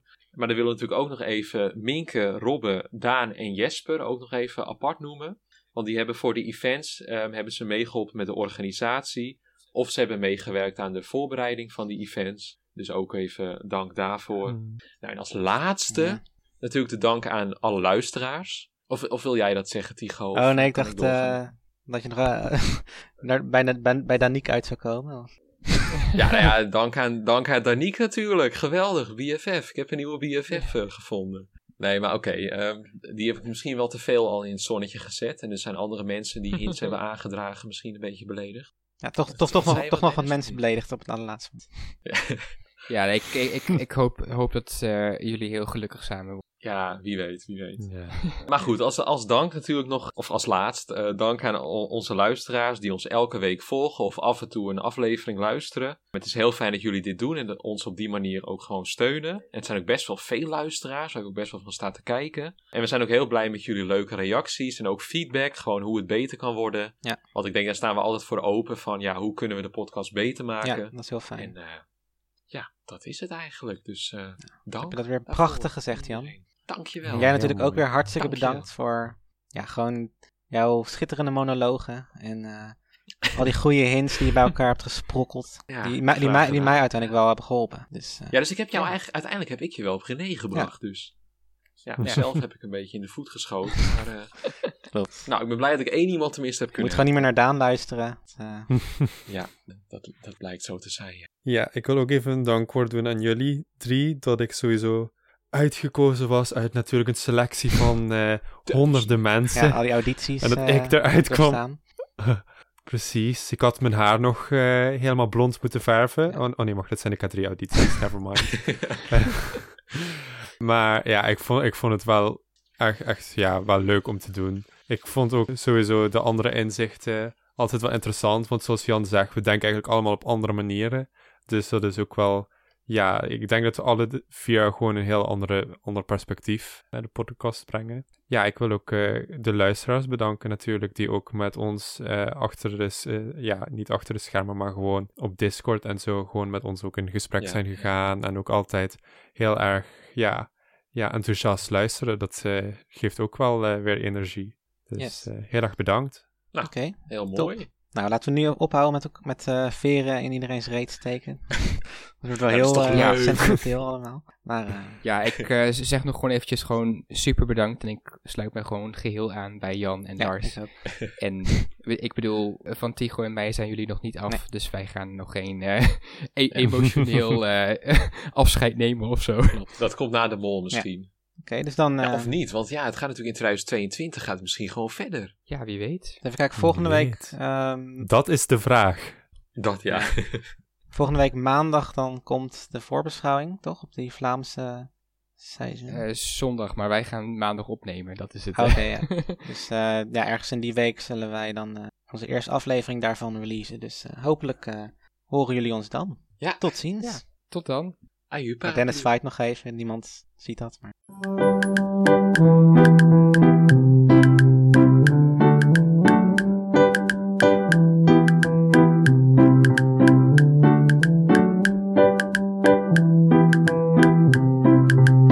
Er was totale tunnelpaniek.